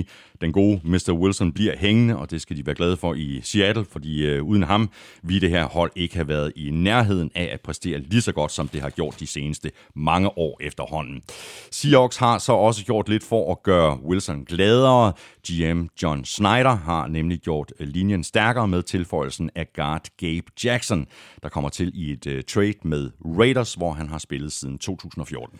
Ja, og det vigtigt for Seahawks at blive ved med at hive de her free agents ind til den offensive linje, fordi når de prøver på at drafte offensive lineman, så går det helt skidt. Ja. Men uh, de har altså via free agency i, i de sidste par år uh, med Dwayne Brown også fra Texans, så nu her mm. altså Gabe Jackson fra, fra Raiders, der formår de trods alt at hive nogle spillere ind af en vis kvalitet til den offensive linje, og det er vigtigt uh, for netop et at holde Russell Wilson glad, men to måske også for at holde ham i lommen. Ja, præcis. Ikke helt uvæsentligt. Og hvis vi bliver på angrebet, så har Seahawks forlænget med running back Chris Carson. Han har fået en toårig aftale. Running back Carlos Hyde er til gengæld ikke længere i klubben. Han har skrevet under med Jaguars. Det har wide receiver Philip Dorsett også. Wide receiver David Moore er skiftet til Panthers, og så har tight end Gerald Everett skrevet under på en etårig kontrakt. Everett øh, kommer til fra Rams, hvor han har været siden han kom ind i ligaen tilbage i 2017 og blev draftet i anden runde. Og har jo været en af mange tight ends, som har produceret fint i Rams angreb, og nu kommer han altså op og skal lege med, med Russell Wilson. Og jeg vil jo sige det på den måde, at vi havde jo nok håbet på lidt større produktion fra Greg Olson, da han kom til Seattle. Nu har han trukket sig tilbage, og nu kommer Gerald Everett ind. Og jeg kunne altså godt se Russell Wilson øh, finde sådan noget rigtig, rigtig fin kemi mm. øh, med Gerald Everett, så jeg glæder mig til at se den duo i aktion. Og på forsvaret, der har Seahawks mistet cornerback Shaquille Griffin, der er skiftet til øh, Jaguars. Han er så blevet øh, erstattet med cornerback Akello Witherspoon, som 49ers har ladet gå. Og 49ers lod også defensive tackle Carry Hyder smutte. Han greb chancen sidste år, hvor øh, 49ers forsvar jo var øh, temmelig hårdt ramt af skader, og han kom ind og gjorde det rigtig godt. Og det har så udmyndtet sig i en øh, treårig kontrakt i Seattle, og øh, der har øh, Seahawks så også givet defensive end Carlos Dunlap en øh, kontraktforlængelse på to år. Og den sidste er lidt interessant, fordi Carlos Dunlap i øh, sidste uge jeg ved ikke, om han kan til at tale over sig, eller det rent faktisk var med vilje, men han sagde jo, at han var blevet i klubben, fordi Russell Wilson blev der. Mm. Og dermed sagt mellem linjerne, men altså det her med trade talks og alt muligt, det har ikke noget på sig, eller i hvert fald så er de overstået, hvis de var der, fordi øh, Carlos Dunlap, han, øh, han havde haft en snak med Russell Wilson, som øh, havde sagt, hey, fedt, at du bliver her, øh, og, altså fedt, at du bliver her, mm, ikke? altså mm, mm. sagt med andre ord, du ved, jeg, jeg bliver her også. Øh, og så er det jo interessant at se, øh, og det sker jo af og til, at klubber, de går på rov hos divisionsmodstandere, fordi uh, Seahawks, de har da set, at både Kerry Hyder og til dels Keller, Witherspoon mm. uh, kunne hjælpe dem. Så et, så får de dem tilknyttet, og to, så stjæler de dem fra en divisionsrival. Mm. Og så kan vi lige nævne linebacker KJ Wright, der uh, stadig ikke har skrevet under. Uh, det kan komme til... Han er i samtaler med Cowboys, oh, og jeg tror, jeg tror Seahawks, de skal skynde sig, hvis, uh, hvis han ikke lige pludselig oh, skal smutte. det er spændende. Ja. Det er spændende. Lidt mere at holde øje med der. Ja. Uh, til gengæld har øh, defensive tackle slash nose tackle Puna Ford skrevet under. Han har forlænget med to år, og defensive tackle Al Woods, der senest har spillet for Jaguars, han har skrevet under på en treårig aftale. Rams de lavede jo et uh, ordentligt splash med det store trade med Lions for quarterback Matthew Stafford. Jared Goff røg den anden vej til uh, Detroit, og den handel kostede så Rams et tredje rundevalg i år, plus første rundevalg i henholdsvis 22 og 23. Sean McVay havde simpelthen fået nok af Goffs begrænsninger, så nu bliver det spændende at se, hvor meget øh, Stafford han kan løfte McVays angreb, hvis det bliver en uh, succes. Så var det den helt rigtige satsning. Hvis ikke, not so much, så var det en dyr affære. Så var det en dyr affære, og så kostede det også uh, Sean McVay jobbet. Men det var lidt sjovt, fordi jeg sad i går, eller også så det, nej, jeg tror det var i går, der sad jeg og så nogle Matthew Stafford highlights. Og så tænkte jeg bare, holy crap, hvor er han god, når, han er, når han er på toppen. Og øh, kommer han ind i det her system, og får McVay lige formet ham, og, og køber Matthew Stafford præmissen, så kan det der godt være et match made in heaven. Selvfølgelig mega, mega dyrt, og det var en win-win for begge mandskaber, fordi Lions fik alle de her picks, som de kan bruge i deres genopbygning. Og Rams har jo stadigvæk et Super Bowl-vindue, der, der, der øh, jeg vil ikke sige, det står på hvid gab, men det er der i hvert fald. Mm. Og der tror jeg bare, at McVay han var færdig med golf. Ikke? Altså, øh, vi talte om sidste år flere gange, hvordan McVay havde haft nogle alvorssamtaler med golfer, hvor han jo offentligt, øh, ikke nødvendigvis med ham ind under bussen, men ikke var bange for at kritisere ham, mm. i hvert fald. Og selvom det er sådan, at vi sad her og talte om, at altså, du ved, de, de, de coacher ham, og du ved, de prøver på at gøre ham bedre, så tror jeg, at det brændte indvendigt i Sean McVay, og nu kunne han ikke mere. Nej, nej. Så det den her handel, den tilbød sig, og da det, da det kom frem efter sæsonen, at Matthew Stafford gerne vil et eller andet andet sted hen, så er det klart, at når man bor i Los Angeles og siger, hey, du ved, du har boet i Detroit, ikke? Du ved, det er koldt om vinteren, det er en lorteby. Come to LA, the sun is shining, we got a brand new stadium, ja, Jeg ikke? tror ikke, Matthew Stafford var specielt svær at overtale. Eller konen. På angrebet, der har Rams så måtte sige farvel til tight end Gerald Everett, der altså har skrevet under med øh, divisionsrivalerne fra Seahawks. Running back Malcolm Brown, der har været i Rams siden 2015, har skrevet under med Dolphins så er wide receiver Deshaun Jackson kommet til fra Eagles, og han har fået en etårig aftale, så øh, lidt mere at lege med her for, øh, for Stafford. Ja, og den synes jeg faktisk er rigtig, rigtig sjov, fordi Deshaun Jackson jo for det første holder rekorden for flest touchdowns over 60 yards. Ikke? Han har 25 i karrieren, det er flest af alle nogensinde. Det er faktisk to mere end legenden Jerry Rice. Jeg sammenligner ikke de to, jeg siger bare, at Deshaun Jackson er den receiver i historien med flest lange touchdowns. Og så en lille interessant ting, fordi det Sean Jackson spillede for Washington, Redskins hed jo dengang, mm. nu Washington Football Team, fra 2014 til 2016. Hvem var offensive koordinator? Det var Sean McVay. I de tre år, der førte det Sean Jackson ligaen i yards per catch. Nu er Sean McVay sammen med mm. Deshaun Jackson, og Deshaun Jackson er sammen med en af de quarterbacks, der kaster den bedste dybbold i NFL – match made in heaven. Ja, det er det virkelig. Lad os så se på øh, forsvaret, hvor der er øh, blevet sagt farvel til flere profiler, som der ikke var penge nok til at beholde simpelthen i bagkæden. Der har cornerback Troy Hill sagt farvel. Han har skrevet under med Browns. Det har safety John Johnson den tredje også. Defensive end Michael Broggers er også færdig hos Rams. Han er blevet traded til Lions efter fem sæsoner. Og outside linebacker Samson Ibukam er smuttet til divisionsrivalerne fra 49ers. Til gengæld så lykkedes det for Rams at holde fast i linebacker Leonard Floyd, der har forlænget sin kontrakt med fire år, 64 millioner, hvilket jeg måske synes er en smule over overkanten. Men hey, edge rushers er dyre. Edge rushers er dyre. Uh, Leonard Floyd kom ind, blev draftet højt af Chicago Bears, jeg tror du pick nummer 8 eller sådan noget. Fik aldrig rigtig succes hos Chicago, kommer til Los Angeles, får en fantastisk sæson sidste år. Og måske er det jo netop den her geniale kombination af Aaron Donald i midten og Leonard Floyd på siden, Præcis. som gør ham så effektiv. Præcis. At det er sådan, at, at Aaron Donald kan tage så meget opmærksomhed, som han kan. Så kommer Leonard Floyd ind der, mm. får alle de her mange sacks, øh, indfrier også nogle bonus i sin kontrakt sidste år ved at, at, at få flere sacks, end, end der var skrevet ind i kontrakten og så videre, eller der var sådan en klausul i kontrakten, som han indløste. Øh, og øh, han bliver lige pludselig en meget, meget rig mand, og det var der ikke meget, der tyde på efter hans første fire år i ligaen. Men, øh, men han har fundet et hjem i Los Angeles og, og, og har gjort det rigtig, rigtig godt. Den anden spiller, vi lige skal nævne her, det er, det er selvfølgelig Josh Jones, uh, John Johnson. Vi har talt om ham øh, en hel del gange i, i forbindelse med free agency, og det er en, det er en stor tilfælde, eller stor tab for, for ja. Øh, Rams. Cardinals øh, ser ud til at være all in i år, efter at de lige akkurat missede slutspillet sidste år, og derfor har GM Steve Keim været offensiv og hentet flere store navne til klubben, både på angrebet og på forsvaret. Der er også øh, flere spillere, der har rådet den modsatte vej, men øh, overordnet set synes jeg, at Cardinals ser stærkere ud i dag, end de gjorde for to måneder siden. Lad os lægge ud på forsvaret med et af de allerstørste navne, der er kommet til, og det er selvfølgelig defensive end J.J. Watt, der fik lov til at smutte fra Texans, Cardinals har givet ham en toårig kontrakt på 31 millioner, hvilket er i den høje ende, hvis du spørger mig. Spørgsmålet er, hvor meget J.J. Watt har tilbage at skyde med, men på papiret, der ser det rigtig godt ud med Watt på samme linje som øh, Chandler Jones. Altså, det er jo to af de absolut mest produktive defensive ends, outside linebackers, eller edge pass rusher, som man vil, øh, igennem de sidste fem sæsoner. Og nu her, der stiller de altså op sammen på den samme linje. Øh, det kan blive rigtig, rigtig giftigt, hvis vel at mærke, at J.J. Watt, han er fit for fight. Ja, jeg tror, de kommer til at dosere ham noget, ikke?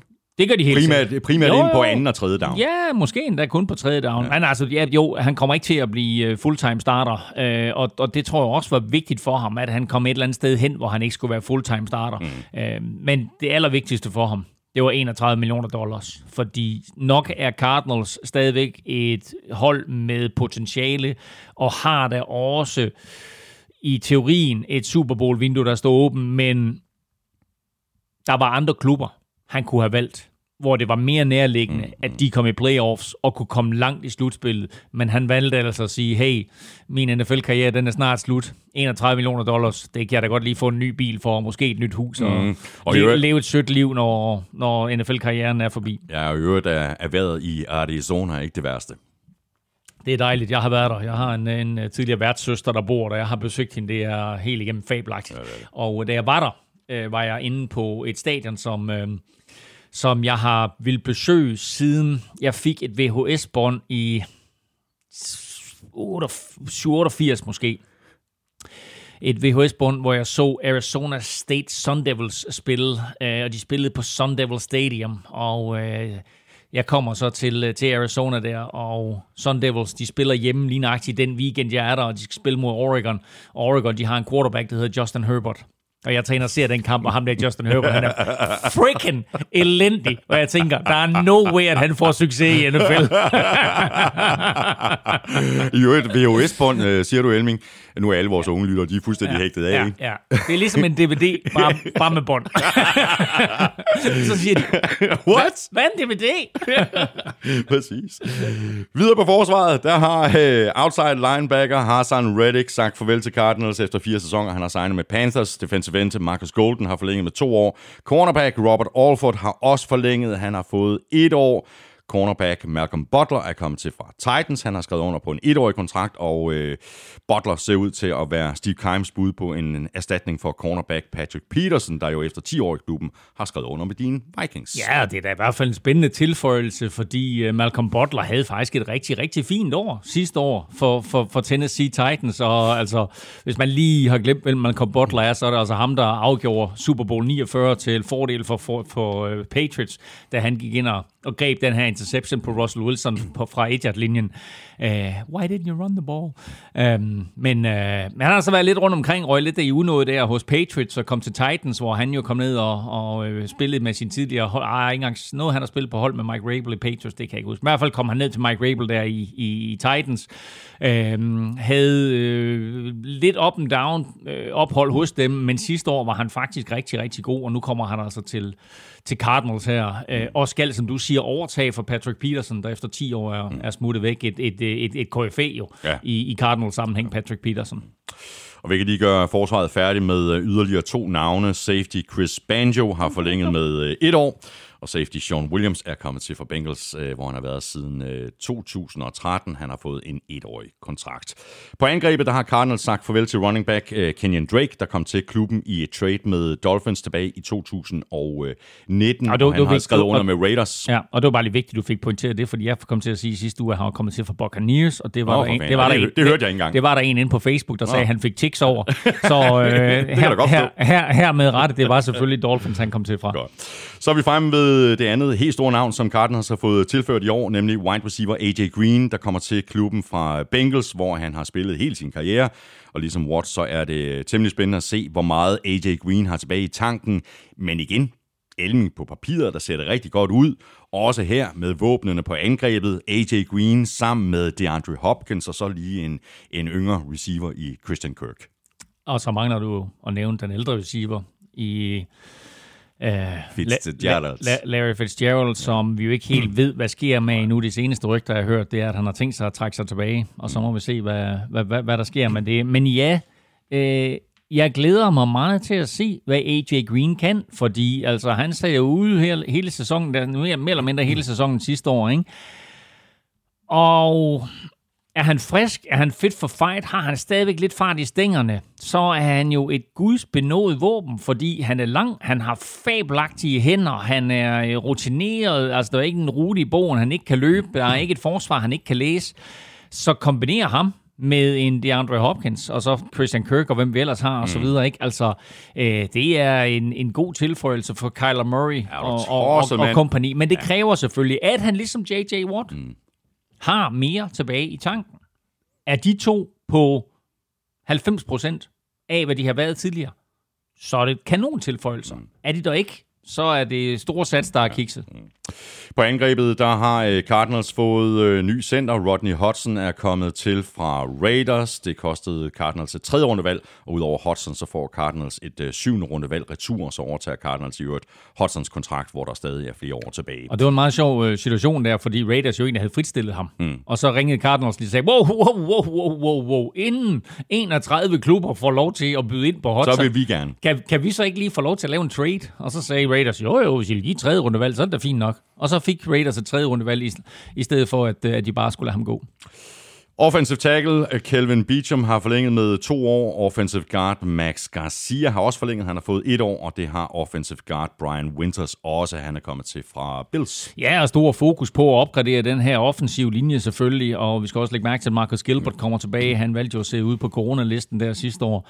Øh, så det er vigtigt, og, og det er væsentligt for Cardinals selvfølgelig med Kyler Murray, at de ved godt, at de har en fuldstændig unik playmaker i ham, men de er også nødt til at give ham en linje, der trods alt kan beskytte ham, når det er et, et designet kastespil, hvor det er designet til, at han skal stå i lommen, og han skal blive derinde i lommen, og han ikke øh, skal løbe efter øh, et halvt eller et helt sekund, og så videre. Så skal Kyler Murray selvfølgelig, ligesom Russell Wilson, i hovedet også indstille sig på, hey, der er faktisk beskyttelse. Jeg kan faktisk stå her. Jeg behøver faktisk ikke stikke af hele tiden.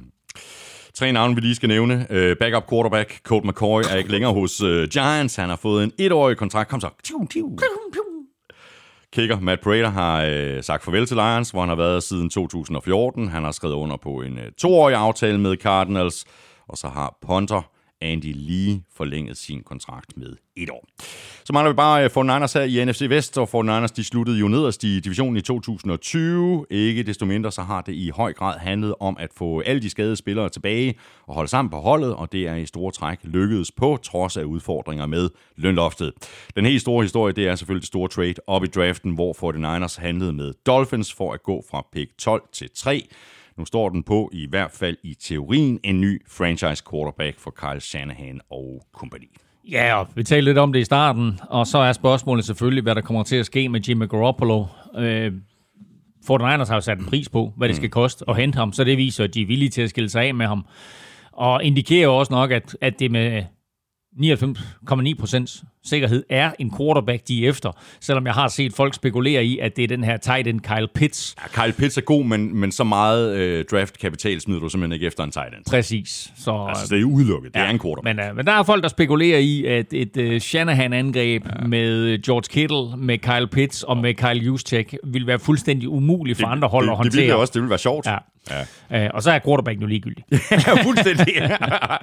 Men øh, nu nævner du øh, Garoppolo, altså lige nu der vælter det med quarterbacks på 49ers roster. CJ Beathard er godt nok ikke længere i klubben, han har skrevet under med Jaguars. Nick Mullins er free agent.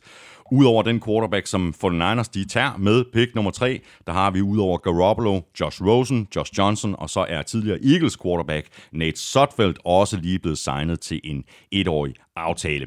Uanset hvem der kommer til at spille quarterback for 49ers i 2021, så kan vedkommende glæde sig over, at det lykkes at holde fast i en af ligens absolut bedste offensive tackles, Trent Williams, som på papiret har fået en monster deal på 6 år og 138 millioner. Men som vi også talte om for nogle uger siden, Elming, så er det højst tvivlsomt, at William Williams spiller den her kontrakt færdig. Uanset hvad, så er det en pæn årsløn, som han har sikret sig. 100 procent. Altså, han er sikret minimum 60 millioner dollars de næste tre år, øh, og det gør ham selvfølgelig til en meget, meget velhavende mand. Om han så får resten, eller han får en ny kontrakt, eller hvad der sker til den tid, det må vi se. Men i hvert fald, så er han i klubben øh, de næste tre sæsoner, og det er gode nyheder, øh, uanset hvem der spiller quarterback, ja, og uanset hvem der spiller running back, fordi løbeangrebet i også er så vigtigt mm. for, for Kyle Shanahan, og er så unikt, øh, og jo egentlig er lidt vildt, at der ikke er flere klubber, der er i stand til at kopiere det.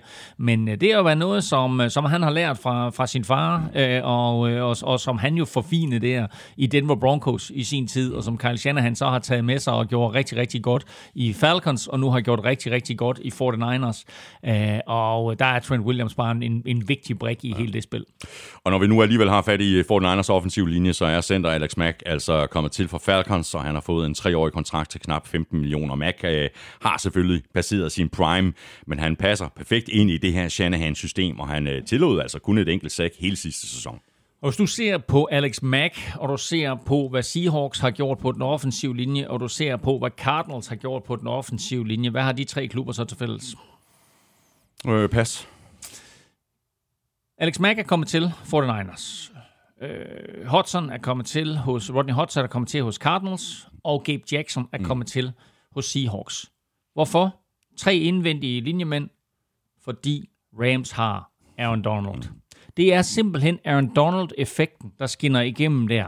De har haft så svært ved at håndtere ham, og de møder ham to gange om året. Så alle tre klubber i NFC West, de følte, at der var behov for at få opgraderet den indvendige del af linjen. Vi taler jo ofte om offensive tackles og hvor vigtige de er. Når man spiller i division med Los Angeles Rams og møder Aaron Donald, så er den indvendige del af linjen super vigtig. Det var alle tre klubber klar over. Og videre på angrebet, der har wide receiver Kendrick Bourne fået det maksimalt ud af sit uh, talent. Han har været en uh, glimrende tredje receiver i 49ers i flere år, og han har så fået en uh, fin kontrakt i New England. Running back Tevin Coleman blev heller ikke forlænget. Han er nu i Jets. Fullback Carl Juszczyk, som du nævnte lige før, Elming, har derimod valgt at blive hængende. Han har fået en femårig kontrakt. Han er stadig ligaens absolut højst betalte fullback, men ligesom med Trent Williams, så er det svært at se Juszczyk spille den her kontrakt til ende. Og så er wide receiver Mohamed Sanu tilbage i San Francisco. Han var forbi for en uh, kort bemærkning sidste år. Inden 49ers lod ham gå, så blev han signet af Lions, men han er altså nu tilbage for 49ers igen, og hvis han får spilletid, så bliver det et stykke nede på rangstigen efter Brandon Ayuk og Debo Samuel, og selvfølgelig 100 km bagefter Titans George Kittle. og Kyle Pitts. Um, ja, og jeg har hørt faktisk nogle rygter fra, fra 49ers lejren om, at Sanu han er hævet ind som sådan en spiller, som de vil bruge i training camp, mm. og så øh, sender de ham på porten, øh, når, når, meget, roster, meget tænkeligt. når rosteren skal cuttes ned. Ja.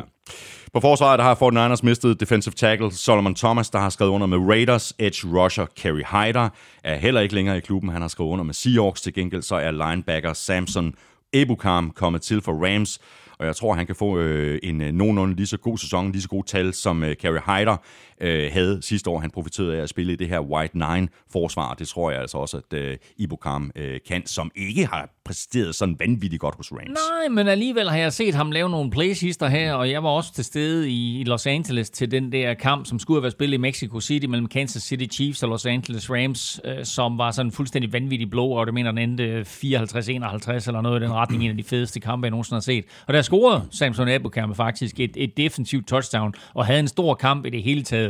Øh, og der viste han i hvert fald noget af det potentiale, han har. Øh, så han kommer ind her. Jeg ved ikke engang, hvem, hvem bliver jo et defensive coordinator for, for 49ers?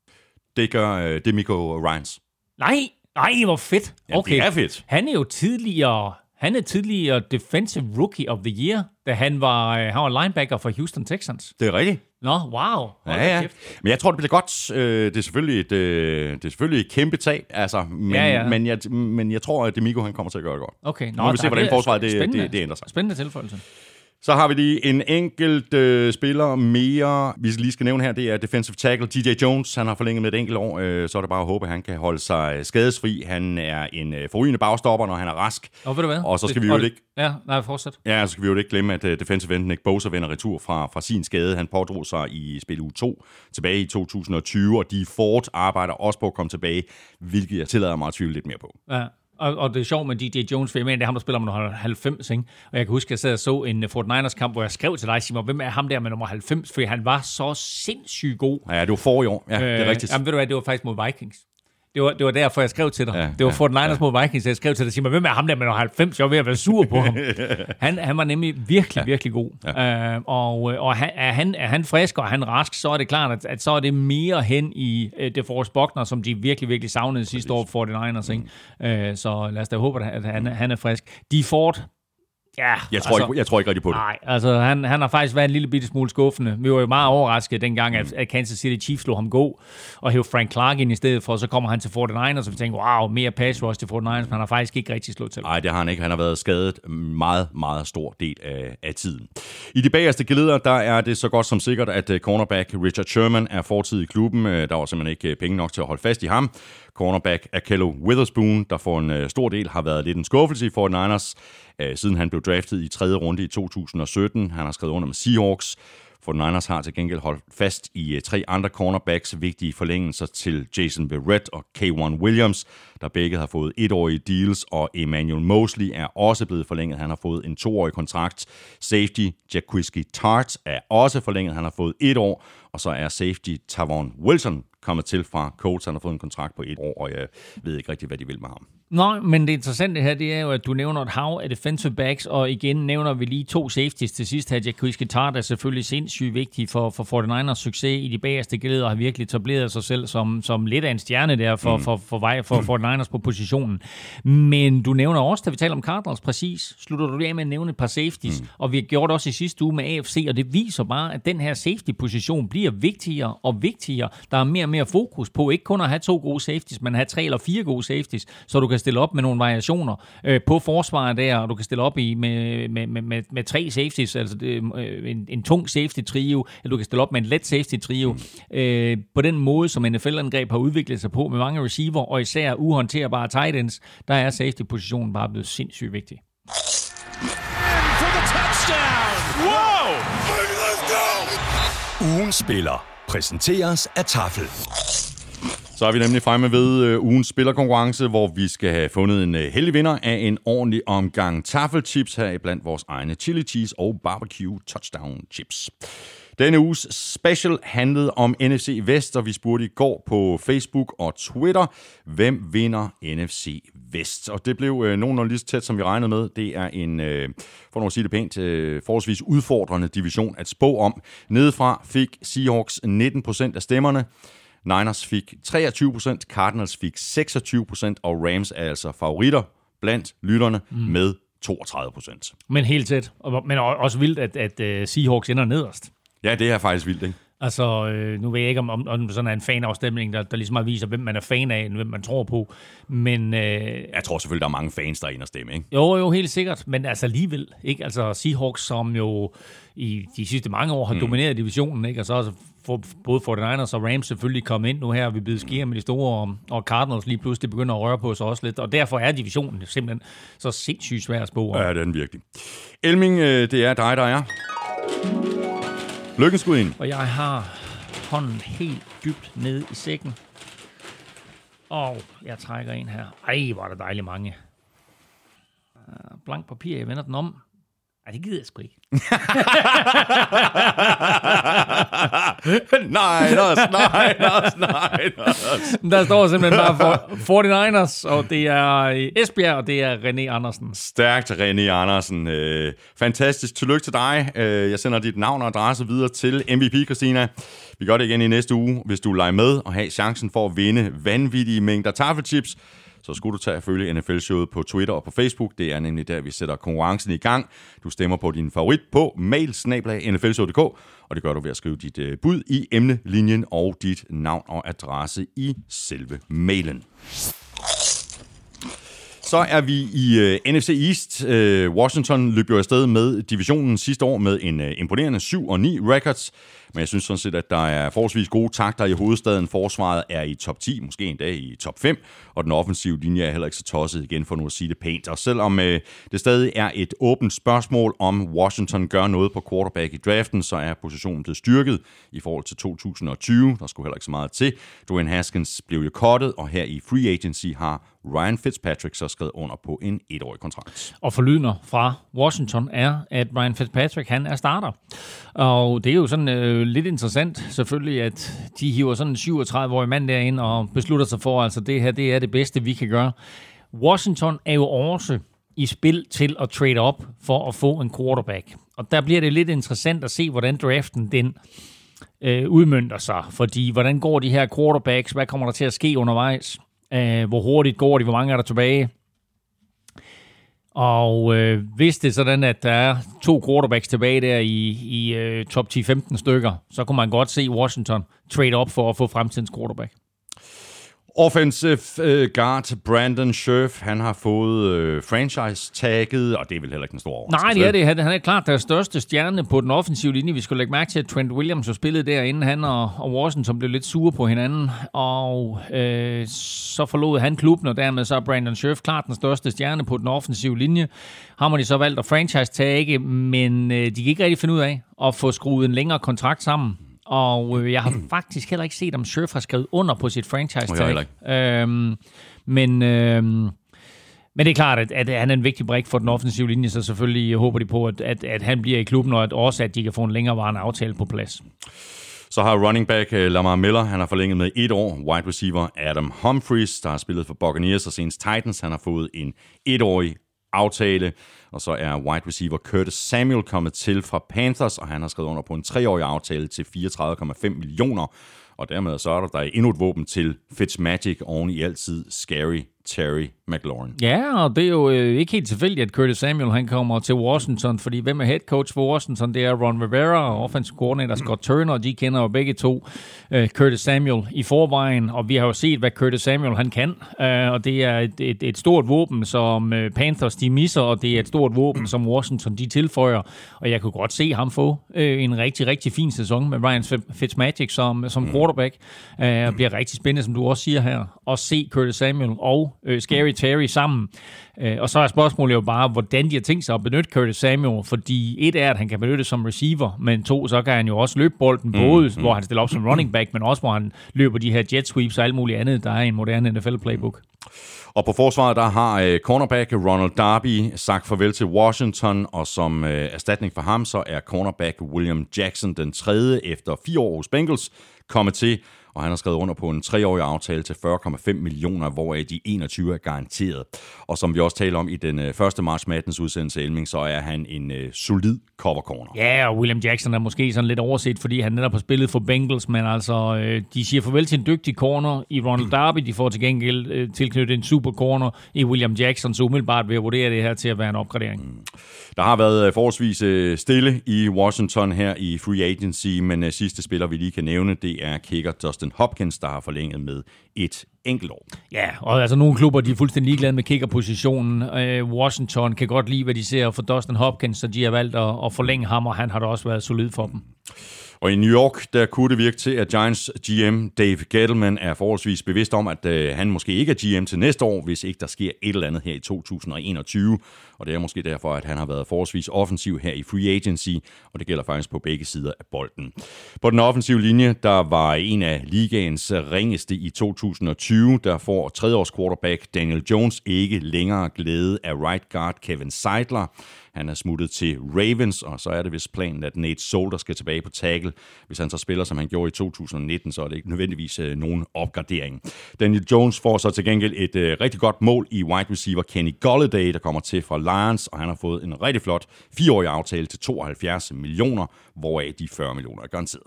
Ja, altså kæmpe deal selvfølgelig, og øh, var jo den, den absolut største deal, der blev indgået for en wide receiver her i free agency.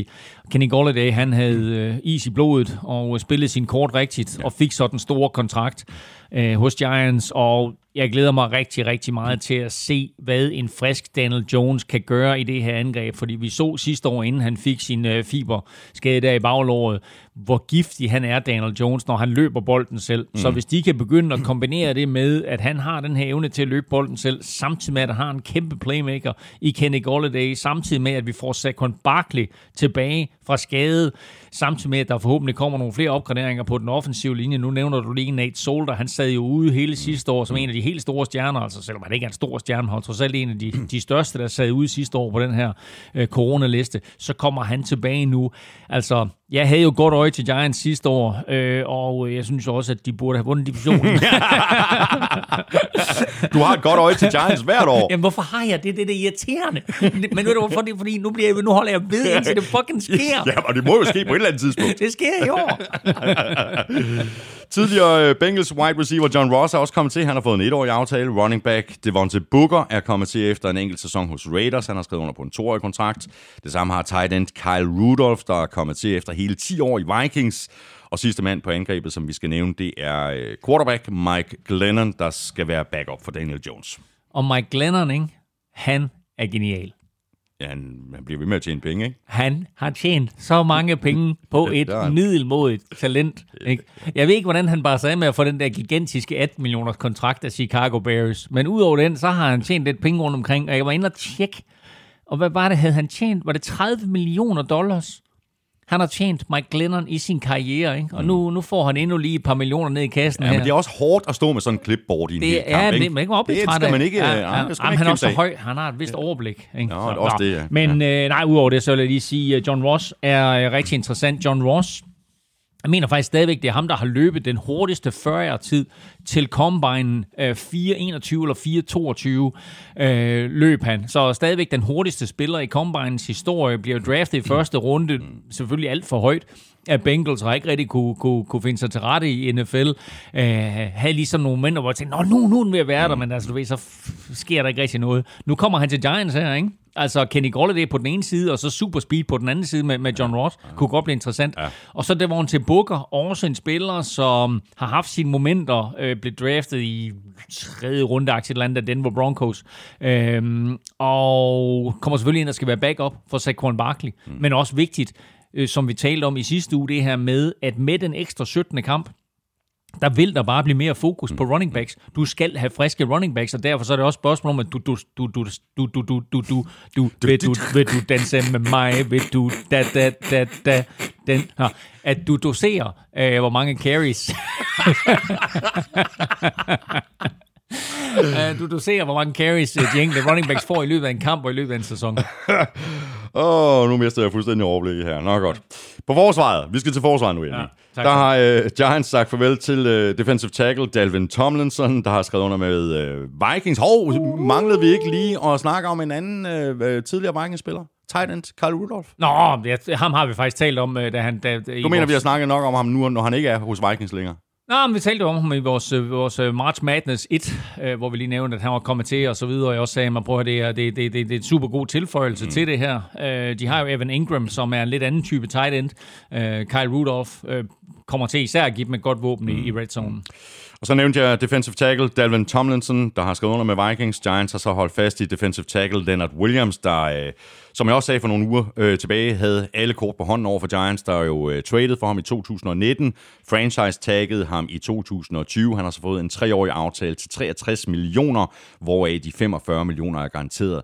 Det kan godt betale sig at spille godt, og det gjorde Leonard Williams ikke mindst sidste år. Det gjorde han, og, og altså, de så jo også noget Giants, da de hiver ham ind fra, fra Jets der, ikke? Altså, og øh, han, spillede, han nåede så at spille to år øh, hos Giants, og i sit andet år, der, der gjorde han det jo simpelthen mm. øh, super solidt. Spillede også på en rigtig, rigtig interessant øh, linje sidste år, som vi omtalte også flere gange i NFL-showet, mm. øh, hvor de så mister en stor brik i, i Dalvin Tomlinson, men øh, Leonard Williams var helt sikkert øh, omdrejningspunktet mm. på, på den der defensive linje, og med, var det 10,5 sack eller sådan noget, ikke? der havde han næst flest sacks af en interior interior defensive lineman, selvfølgelig kun overgået af Aaron Donald, øh, og øh, nu bliver han altså en meget rig mand. To spillere er kommet til Giants for Lions. Øh, de har begge skrevet under på etårige kontrakter. Defensive tackle Danny Shelton og linebacker Reggie Ragland. Og det interessante med dem, det er, at det er jo begge to meget, meget høje draft picks. Altså, Danny Shelton blev valgt i første runde af Browns for 5-6 år siden, og Reggie Ragland vel for 4 år siden i anden runde af Bills øh, og har igen øh, et, et par spillere der, som ikke rigtig har kunne finde ud af det, og ikke rigtig har øh, levet op til der, deres høje draft status, så nu kommer de altså begge to til, til Giants her. Øh, Danny Shelton, er jo et kæmpe lokum, og spillet sidste år for, for Lions har været omkring Patriots også. Øh, som sagt, draft af Browns kom, var omkring Patriots, og så Lions, og nu her altså i Giants. Men er et kæmpe lokum, og det er ham, der ligesom skal overtage for Dalvin Tomlinson. Øh, og selvom jeg synes, at Dalvin Tomlinson er en bedre spiller, så er det ikke en helt Altså, det er ikke en stor nedgradering. Mm, mm. Så, så vigtigt, at de hæver øh, Danny Shelton ind der. Så har de jo mange år øh, haft udfordringer på linebacker. Uh, Giants, så interessant at se, hvad ja. Reggie Ragland han kan. Mm. Og i de øh, bagerste glæder, der har vi øh, cornerback Adoree Jackson, der er kommet til for Titans, hvor han har spillet siden 2017. Han har fået en aftale på tre år til 39 millioner med mulighed for at komme helt op på knap 45 med, med sådan diverse bonusordninger. Ja, altså, jeg synes, det er, det er en genial tilføjelse, at de får fat i Dory Jackson. Jeg synes bare, det er, det er meget, meget dyrt. Ja, det, er, det synes jeg også, det er. Dallas og uh, Jerry Jones, uh, de nølede for længe med at give uh, Dak Prescott en kontraktforlængelse. Det har de så uh, betalt prisen for i år, hvor Dak har slået alle rekorder med sine fire år og 160 millioner, hvoraf de 126 er garanteret. Mm. Det er okay Elming for en quarterback, der blev draftet i fjerde runde i 2016, og som i øvrigt sad ude med en alvorlig skade det meste af 2020. Han og hans agenter spillede højt spil og sagde, at de ville ikke tage imod sådan en eller anden øh, skaldet 120 millioners kontrakt, som, øh, som Cowboys de tilbød. Så spiller han med 4-5 kampe, bliver alvorligt skadet, sidder udenfor, men det var måske det bedste, der overhovedet kunne ske for ham. Ja, fordi så så Cowboys, hvordan deres hold så ud uden Dak Prescott. Præcis. Og det så ikke godt ud. Det så ikke godt ud. Uh, det var lige meget, hvem de prøvede der. Uh, så var, så var angrebet bare ikke lige så eksplosivt, som det var med Dak Prescott. Og dermed så fik han altså den her gigantiske kontrakt, og som vi talte om i vores March Madness 1, så er det jo en kontrakt, der overgår Patrick Mahomes' kontrakt i alt, med undtagelse af længde. Hvor Mahomes' kontrakt var 10 år, så den her kun 4 år til gengæld. Så er det flere penge i hånden her nu, og det er også flere penge i de første 4 år. Og når så de 4 år er gået, jamen, så er der troet en ny tv-aftale i træk, og der er et nyt lønloft, og alt det her corona er forhåbentlig lagt bag os, så lønloftet er tilbage på sit normale niveau. Øh, og når jeg siger normalt niveau, så er det det normale niveau, det skulle have været på i år, plus hvad der så kommer til at ske næste år, om to år, om tre år, og så får han en kæmpe kontrakt, så ja. altså, han kan gå hen og tjene rigtig mange penge, Dak Prescott. Ja. Og det er jo det, vi ser, der er en, der er en del spillere, nu har, har vi talt om alle de her etårige kontrakter i år, og der er jo mange spillere, der kigger frem, ikke bare mod 22, mm. men især mm. hen mod 2023. Mm. Det er det rigtige år øh, at Præcis. være free agent ja, i, i 2023. Ja. Ikke? Øhm, jeg har ikke helt styr på, øh, altså de her, når vi taler om, at NFL har lånt penge af sig selv. Mm. Man kan sige, at de har lånt øh, lønloftet i år ligger på 182,5 millioner dollars. Reelt set skulle det nok have været lidt lavere. Men NFL har valgt for det sådan, at, at, øh, at lønloftet ikke øh, pludselig springer øh, fra det. det skulle, oprindeligt skulle det nok have ligget på omkring 210 så var der snak om, at altså, okay, der vi har haft så mange, så store øh, indtægtsmangler øh, på grund af forskellige ting med, med corona, at øh, lønloftet nok burde falde til måske 160 eller 150, men vi sætter et minimum på 175. Nu ender den i stedet for med at blive på 182,5, men det betyder stadigvæk, at de har lånt penge af fremtidige indtægter, og dermed, så når vi ser en justering af lønloftet, så øh, har de altså lånt nogle penge, som de så er nødt til på en eller anden måde at betale tilbage til sig selv, mm. og så vil lønloftet så blive justeret i årene frem efter, og om det så er en, en øh, justering, som kommer til at ske allerede i 2022, eller de justerer sådan løbende, sådan så det ikke lige pludselig springer med 40 eller 50 millioner dollars, men de sådan siger, okay, nu sætter vi det op med 20 i år, så 20 i år, så 20 næste år, så bliver det sådan lidt mere flydende. Ja i stedet for at lige pludselig bliver fuldstændig vanvittigt eksplosiv, så kan vi altså også se nogle, nogle helt vanvittige kontrakter jo. Ja. Andy Dalton, han er ikke længere hos øh, Cowboys. Han er heller ikke længere backup. Øh, nu er han startende quarterback for Bears. Det kan vi tale mere om, når vi kommer til NFC North. Offensive tackle. Cam Irving er heller ikke længere i Dallas. Han har skrevet under med Panthers.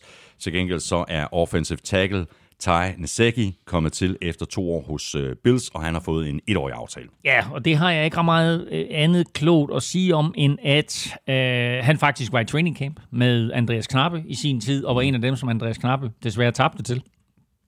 Øh, var vel et enkelt år eller to hos Falcons, kommer så til Bills, og er nu øh, altså kommet her til Cowboys, og er ikke noget vidunder men vi så bare sidste år, da Cowboys blev ved med at få skader på den offensive linje, hvor vigtigt det er at have kvalitetsbackups og sætte ind, øh, så du ikke lige pludselig bliver nødt til at rykke rundt på hele linjen. Så det her, det er simpelthen bare et spørgsmål om at, at, at have noget erfaring og sætte ja. ind på linjen i tilfælde af skader. Det er jo en udfordring, som langt, langt de fleste hold i NFL har. Øh, problemer med at have bredden på den offensive linje øh, bag ved en, en ordentlig offensiv linje. Præcis. Det er også en udfordring ja, ja. For, for mange år. Ja, ja.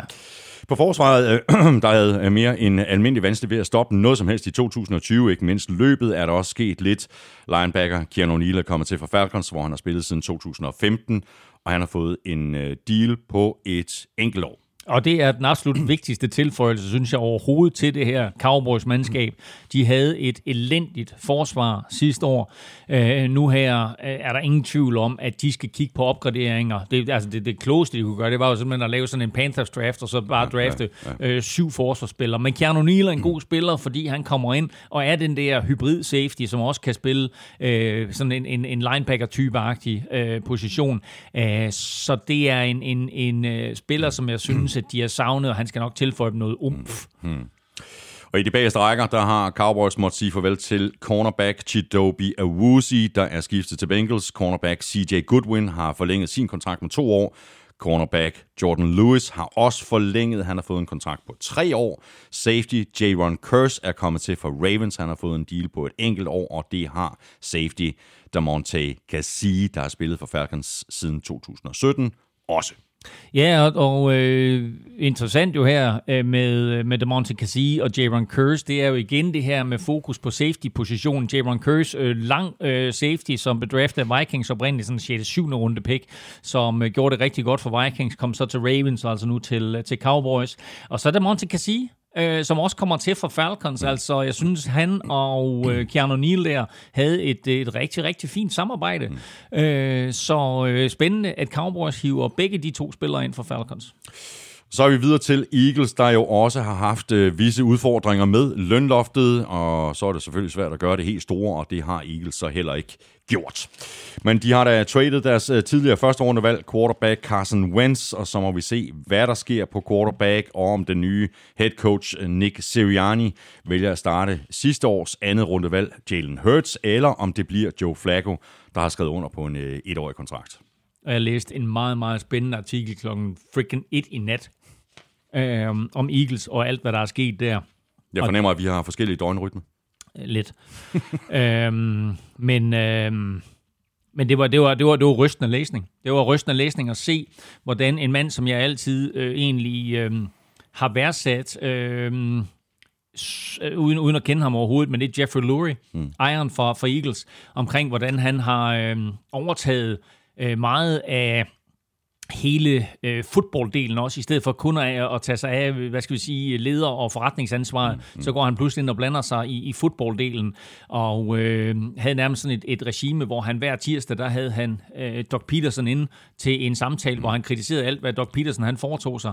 Øh, og det endte til sidst med, øh, at, ja. at, at Doc Peterson han øh, fik stillet nogle ultimatum omkring øh, øh, trænere, han måtte fyre, og spillere, han måtte fyre, og til sidst så øh, røg han jo selv på porten. Ja, ja det virkede til, at, at det var helt bevidst, at man ville gøre livet surt for Doc Peterson. Jeg har også læst øh, en af ja. de her artikler, der handler lige præcis om det her. Men det, men, det, men det vilde det hele, det er, at når vi så tænker tilbage på, hvad der skete med Eagles sidste år i slutspil, eller ikke i slutspillet, men i den sidste spillerunde, hvor de jo øh, nærmest går ud og taber. Mm. Jeg vil ikke sige med vilje, men de sætter i hvert fald nogle spillere på banen, som, altså Nate Sotfeldt, som i øvrigt er kommet til til 49ers, kommer ind der ja. øh, og spiller i stedet for Jalen Hurts.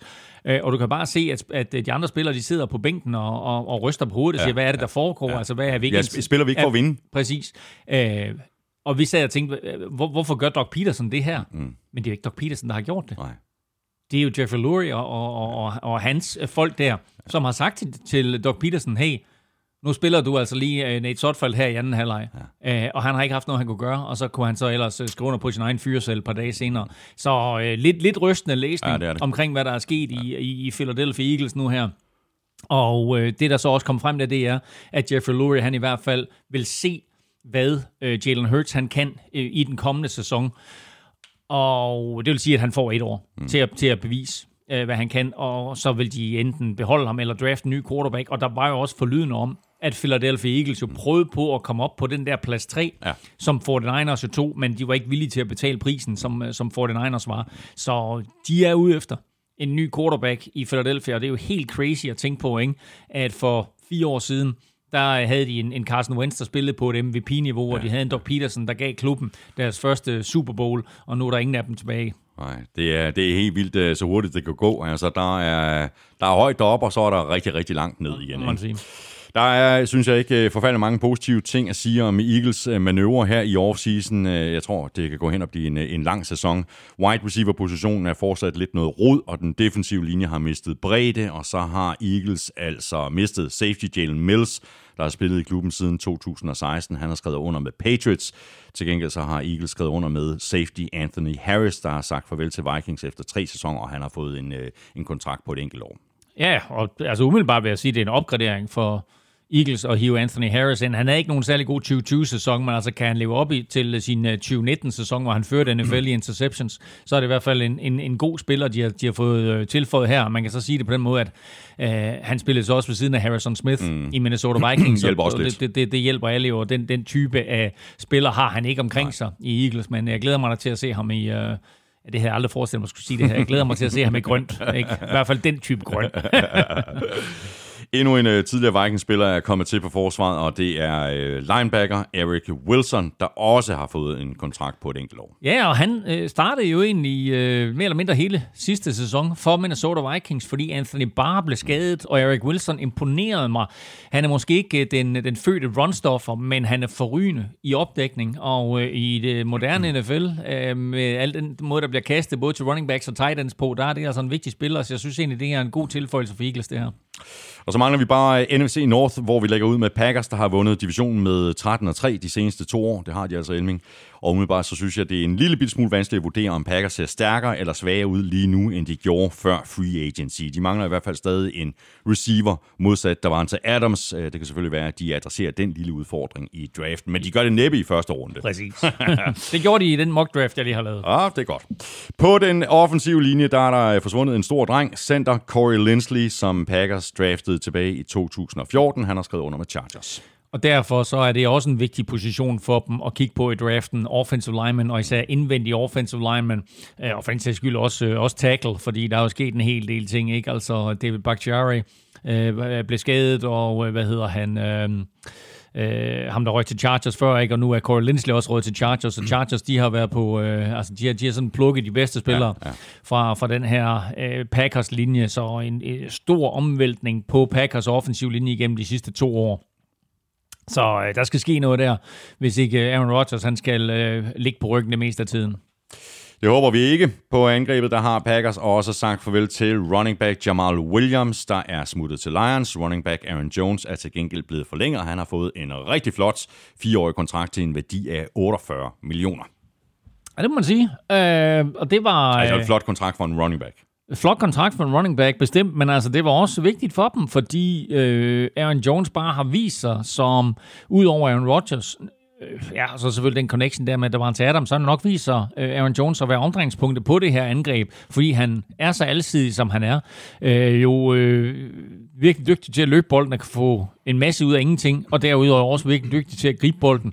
Øh, Packers er jo nok det hold i ligaen, der er bedst øh, og har været det i en årrække til at køre screens af alle mulige former. Og der er det vigtigt for dem, at de altid har en, en øh, dygtig running back lige nøjagtigt til den øh, type af angrebsspil. Og der er Aaron Jones bare suveræn. En enkelt spiller, vi lige skal have med på angrebet, det er tight end Mercedes Lewis. Han er også stadig i Green Bay. Han har fået en uh, kontraktforlængelse på to år. Ja, det, og han har vel efterhånden udviklet sig til at være en blokerende tight end. Uh, ikke, ikke så meget at, at, at sige det andet end, at uh, den måde, som, som Packers de spiller angreb på nu, øh, der er han en, en vigtigere tilføjelse for Aaron Jones, end han er for Aaron Rodgers. Mm. Og på forsvaret, der har safety Will Redmond forlænget. Jeg har ikke lige kunne finde detaljer på kontrakten, det ved jeg ikke, om du har Nej, øh, fundet. Og så har øh, cornerback Kevin King, han har også forlænget. Han har skrevet under på en etårig kontrakt. Og jeg ved ikke, om det er en overraskelse, at Kevin King han har forlænget, men der er i hvert fald, øh, apropos Tex, så er der i hvert fald nogle Packers-fans, der får Tex, fordi det var jo ham, som uh, Buccaneers de jo i den grad mm. kørte på i NFC-finalen. Da de først fandt ud af, at han ligesom var det svage led, så blev Brady bare ved med at kast til Kevin King, og han blev, han blev straffet øh, noget så gudsjammerligt i den der kamp. Altså, øh, det var en... Øh, han er jo ikke nogen dårlig spiller, Kevin King, men jeg tror bare, der var mange Packers-fans, som, som simpelthen var så, så arg øh, og skuffet over ham, at øh, de helst havde set klubben skille sig af med ham, men nu er han altså fortsat i Packers endnu et år. Og Bears, de gik øh, stenhårdt efter Russell Wilson, og øh, det var der sådan lidt øh, svung over den mission, men da det mislykkedes, så signede de i stedet Andy Dalton, og han er nu startende quarterback i Chicago i stedet for Mitchell Trubisky, der blev sendt uh, til Buffalo, hvor han skal være backup for Josh Allen. Andy Dalton han har ikke haft en winning season siden 2015. Det her det er ikke verdens mest uh, overbevisende opgradering nogensinde på quarterback. Nej, det er det ikke, men altså, det er trods alt en opgradering på quarterback. Er det det? Øhm, jamen, det ved jeg ikke. Altså, altså Mitchell Trubisky var jo ikke svaret. Øh, og Nick Foles har jo vist sig, at han er bare bedst, når han kommer ind som backup. Og øh, Andy Dalton kommer ind her. Øh, han har en Allen Robinson, han kan kaste til, og ellers så har han en, en Cole Komet, og øh, så må vi se, hvad, hvad de ellers hiver ind. Øh, men altså, han kommer ind i en svær situation. Andy Dalton, men det er jo lidt vildt at tænke på, ikke? Altså, at, at på quarterback-positionen, der ændrer NFC North jo i den grad karakter mm. med både Lions øh, og, og, og Bears her, de to dårligste hold i divisionen, som øh, får nye quarterbacks, og så må vi se, hvad effekt det får på styrkeforholdet. Ja.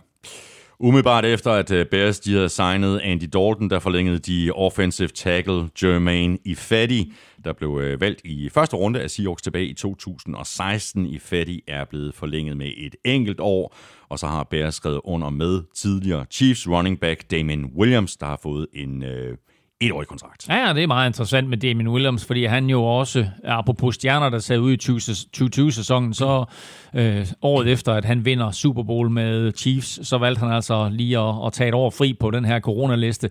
Og når man ved, hvor hårdt det er at spille running back i NFL, så er det faktisk ikke nogen helt tosset idé. Altså at kunne få lov til sådan midt i sin karriere at tage et år fri og lige komme til hægterne og så videre og få alle de der små skavanker på plads. Jeg kunne godt se Damien Williams mm. komme ind og få en rigtig, rigtig fin sæson for Lions.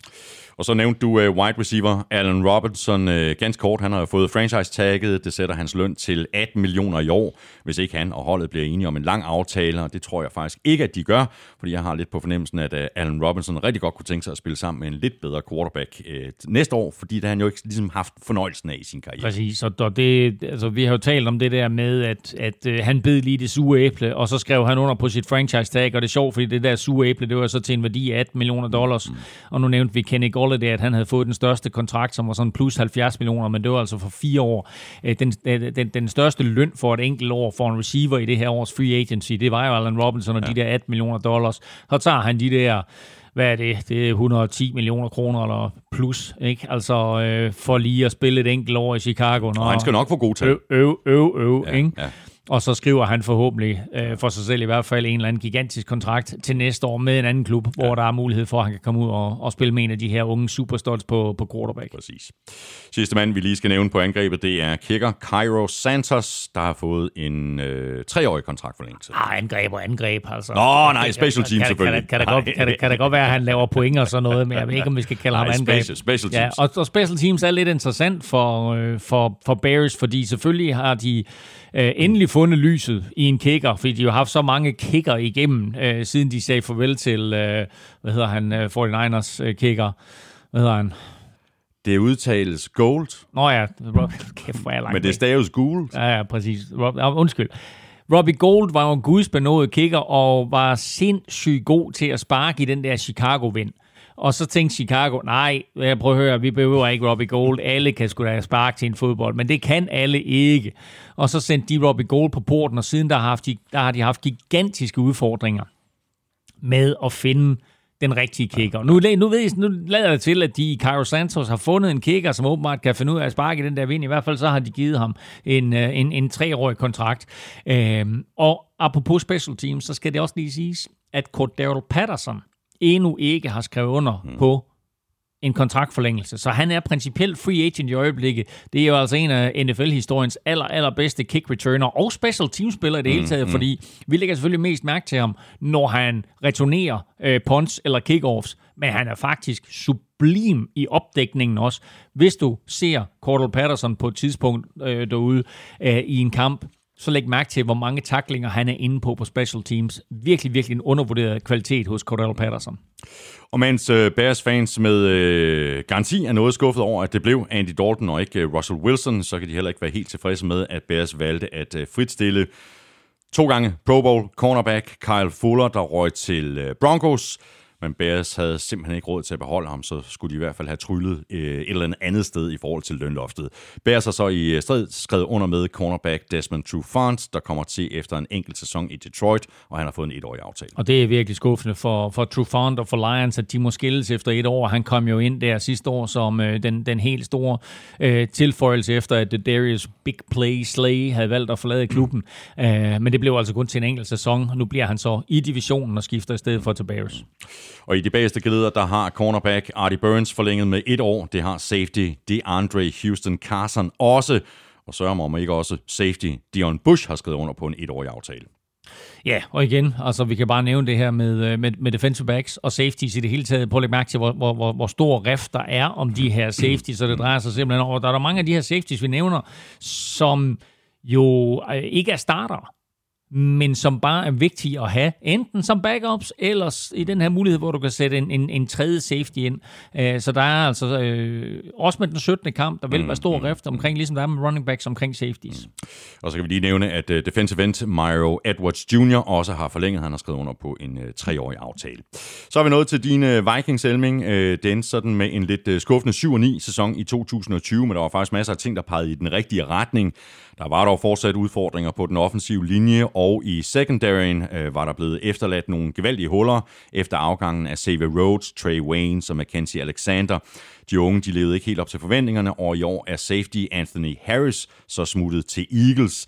Der er så blevet tilført hjælp udefra til den bagerste del af forsvaret her i Free Agency. Safety Xavier Woods er kommet til fra Cowboys. Han har fået en etårig aftale. Det har cornerback Mackenzie Alexander, der er kommet til fra Bengals også. Og sidst, men ikke mindst, så er cornerback Patrick Peterson kommet til efter 10 år i Arizona. Han har også fået en etårig kontrakt, og selvom øh, Peterson ikke har helt det samme niveau, som han har haft tidligere, så må det alligevel betragtes som en opgradering. Ja, og så skal du lige nævne også, at Vikings jo er røget i gigant, ikke Vikings er røget i gigantiske problemer, men Vikings øh, første runde corner fra sidste år, Jeff Gladney, er røget i alvorlige problemer, fordi han har været nødt til at melde sig selv til politiet, jeg mener du i Texas, øh, hvor han vist øh, bor øh, uden for NFL-sæsonen, fordi han øh, havde været i noget betalje med sin øh, kæreste kone, og øh, vist havde, øh, jeg, jeg, jeg kender ikke sagens nøjagtige detaljer, men vist havde slået hende og så videre, øh, og øh, meldte sig selv, selv til politiet, øh, har betalt en kaution på 10.000 dollars, men står altså... Ja, man risikerer fængsel står altså til en fængselsstraf til mellem, var, var det mellem 2 og 12 år. Altså, det, det, så det er sådan helt crazy. Ja. Og øh, det betyder med stor sandsynlighed, at Jeff Gladney øh, ikke spiller for, for Vikings i den kommende sæson, og måske aldrig nogensinde kommer til at spille i NFL igen. Og Mike Zimmer har jo altid haft stor fokus på cornerback-positionen, draftede to cornerbacks højt sidste år, ud over Jeff Gladney, så draftede han også Cam Dansler, og øh, Cam Dansler havde nok faktisk en bedre rookie-sæson sidste år end, øh, end Jeff Gladney havde. Nu kommer Patrick Peterson til. Vigtigt. Øh, og han, han, han bliver jo bragt ind, før alt det her det opstår med, med Jeff Gladney. Og der kan huske, der talte vi også om, for i, i hvor jeg tror, vores March Madness, March Madness 1, der, at, at han skulle ind, og så skulle han være mentor mm. for de her unge drenge her. Og det skal han sådan set stadigvæk, fordi han stadigvæk skal oplære øh, Cam Dancer. Nu nævnte du så Mackenzie Alexander to gange, fordi et smuttede han sidste år mm. til Bengals, og to så er han kommet tilbage igen nu. Så Mike Zimmer øh, er altså stadigvæk glad for Mackenzie Alexander, som han draftede i anden runde for fire år siden agtigt. Så han kommer altså hjem. Øh, og øh, så er der Mike Hughes, som de også har draftet i første runde, der kommer tilbage fra skade og så videre. Så, så det er egentlig en fin cornerback-gruppe, som måske nok bare savner den her mentor, som Patrick Peterson for, forhåbentlig kommer ind og bliver. Og så skal man ikke mærke til også, at Patrick Peterson på 90% stadigvæk er en vanvittig dygtig corner, og Mike Zimmer med øh, Terrence Newman jo hæve 3-4 ekstra år ud af en gammel mand, som mange andre betragtede som færdig i NFL. Øh, der kom han altså ind, Terrence Newman, og var en vigtig brik for, for Mike Zimmer. Det er det samme Patrick Peterson, han skal være nu. Og masser af rutine. Hvis vi hopper op til øh, front seven, så er der i hvert fald tre spillere, vi lige skal omkring. Defensive end Steven Weatherly er kommet til efter en enkelt sæson hos Panthers. Han har skrevet under på en etårig aftale. Endnu, øh, endnu en spiller, ja. som, øh, som Vikings hiver tilbage. Ja, uh, Mike Zimmer der igen. Jeg, jeg var meget ked af i sidste år i øvrigt at, at sige farvel til Steven Weatherly, men han fik det altså ikke til at fungere mm. i, i Panthers. Nu kommer han tilbage til Vikings. Vigtigt at, at få ham ind til at, at lave lidt, lidt ekstra pass rush. Mm. Og linebacker Nick Vigil, han har også skrevet under på en etårig aftale. Han har spillet for Bengals og senest Chargers i et år. Og så har defensive tackle Dalvin Tomlinson skrevet under på en toårig kontrakt, og Tomlinson kommer til fra Giants, hvor han har spillet siden 2017. Og det er en vigtig tilføjelse, fordi Vikings jo sidste år hiver Michael Pierce ind fra Baltimore Ravens, men Pierce vælger at sidde 2020 ude på den her coronaliste, så pludselig så får de jo altså en gigantisk opgradering mm. der i midten af forsvaret med både Michael Pierce og Dalvin Tomlinson til den kommende sæson. Så forhåbentlig så får vi ikke sådan en misære at se ligesom sidste år, mm. hvor Alvin Kamara han scorede øh, syv touchdowns i en enkelt kamp, og Mike Zimmer han var ved at eksplodere på sidelinjen.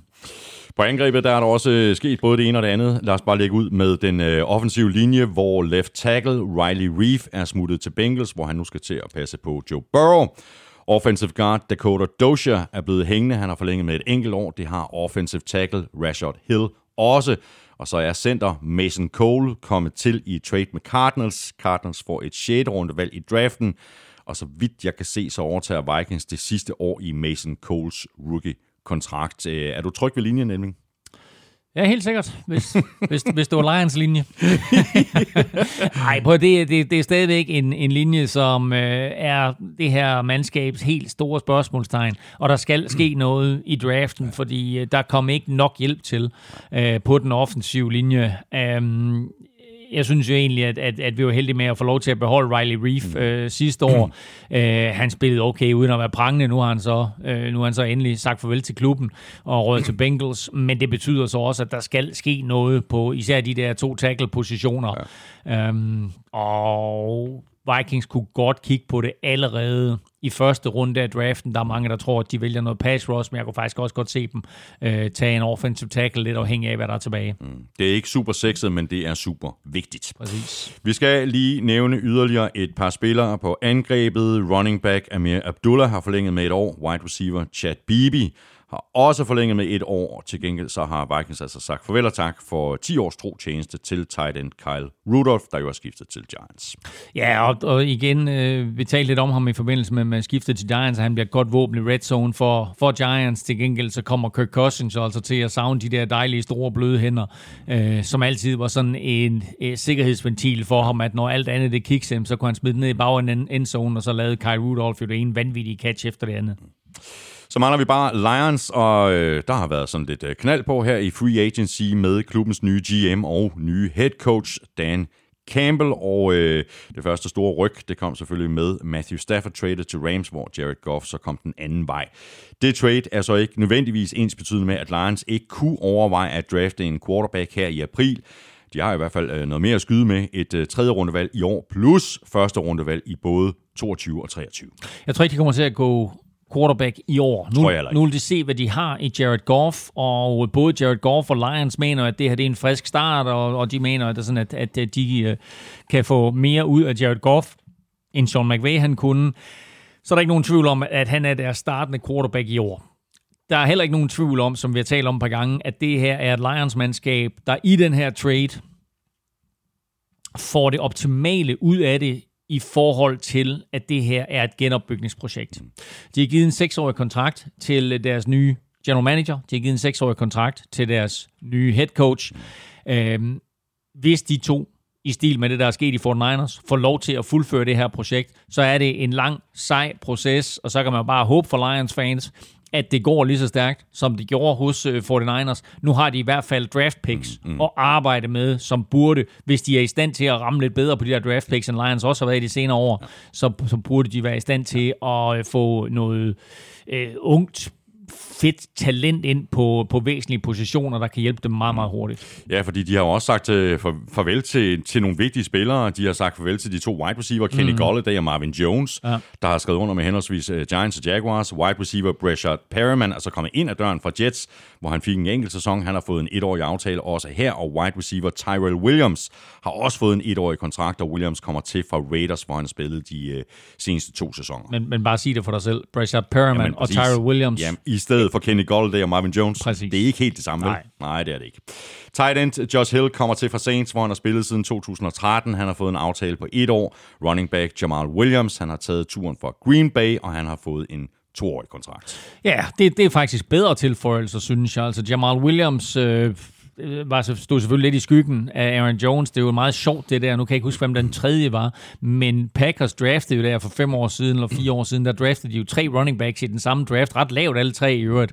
Og øh, Aaron Jones var sådan set den af de tre, der blev draftet sidst, mener jeg. Og nu er Jamal Williams øh, altså råd til, øh, til, til Lions her.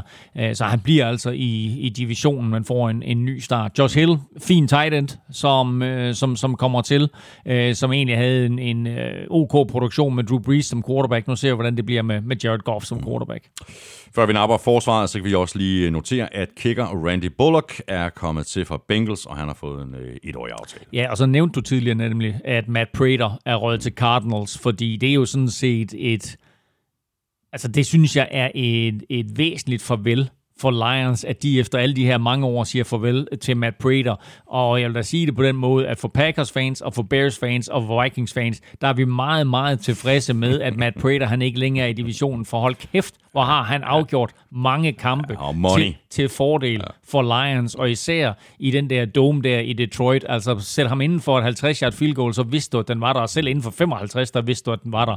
Uh, jeg, jeg kan huske, at jeg sad en Thanksgiving og det var, det var, det var vildt, fordi det var, øh, det var en Thanksgiving torsdag, hvor vi havde vild med dans finale om fredagen i Horsens. Og så kørte jeg op til Jesper i Aarhus og så Vikings spille mod Lions, og Vikings dominerer hele kampen, men Matthew Stafford får bolden med 30 sekunder igen, og får dem selvfølgelig op i nærheden af et 55 yard field goal. Altså, jeg, begynder, jeg, jeg, jeg begynder bare at tage tøj på og siger, at det er godt, vi ses, Jesper. Ikke? Og selvfølgelig Matt Breida kommer ind og, og afgør det, og, og Lions vinder den der Thanksgiving-kamp.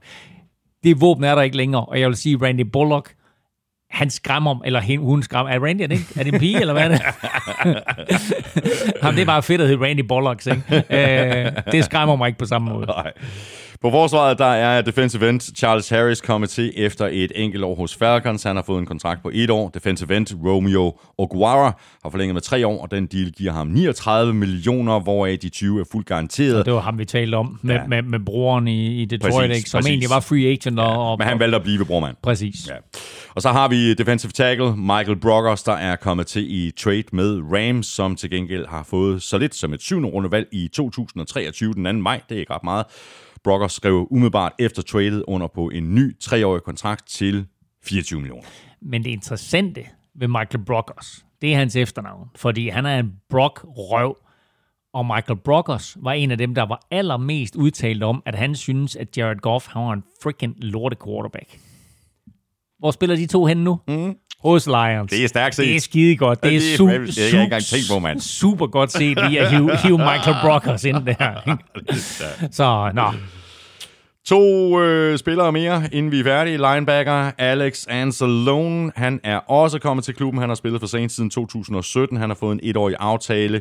Det har cornerback Quinton Dunbar også. Han kommer til fra Seahawks, hvor han fik en enkelt sæson. Ja, og Anzalone var ham her meget, meget let genkendelig linebacker med det lange lyse hår. Jeg egentlig synes, at han var en fed spiller for, for New Orleans Saints, men han var altså endnu en af de her, som fik, fik silkesnoren på grund af lønloftet i New Orleans, og nu er han så kommet til Detroit. Og Quinton Dunbar er jo ham her, corneren, som der var det der ballade med, at ham og en, øh, hvem pokker var den anden, oh, at de havde snydt med Ja, de havde snydt nogen i et eller andet sådan noget... Med noget, med noget gambling men, og et eller andet. Præcis. Og, kom, og så med, og så med de pistoler. En, har de trukket en pistol og alt muligt. Det var, altså, det var sidste år, ikke? Jo, det var inden sidste sæson. Ja. Øh, og nu kan jeg ikke huske, hvem den anden var, men han... Øh, altså i hvert fald, jeg tror, han, han er i hvert fald anklaget for et eller andet, mens Quinton Dunbar vist er blevet frikendt, eller i hvert fald ikke anklaget og så videre. Øh, kom til Seahawks, og faktisk lidt overrasket over, at Seahawks ikke har beholdt ham, men nu har han altså røget videre til, til Lions. Det var øh, de sidste ord. Det var de 16 øh, hold i øh, NFC i sidste uge. Der gik vi jo AFC igennem, så hvis du ikke har lyttet den udsendelse endnu, så har du stadig chancen. Elming, har du et bud på en top 5 over de hold, der har haft den bedste free agency i NFC i halvdelen, eller bliver det ligesom med øh, AFC en top 4? Det bliver en top 4. Sådan der. Ja. Det er godt, vi holder linjen. Ja, så øh, den her top 5 er en top 4, og øh, vi lægger ud med øh, NFC East, og det er jo simpelthen en top 4, hvor jeg ligesom har kigget på, hvem synes jeg har klaret sig bedst i de enkelte divisioner. Mm.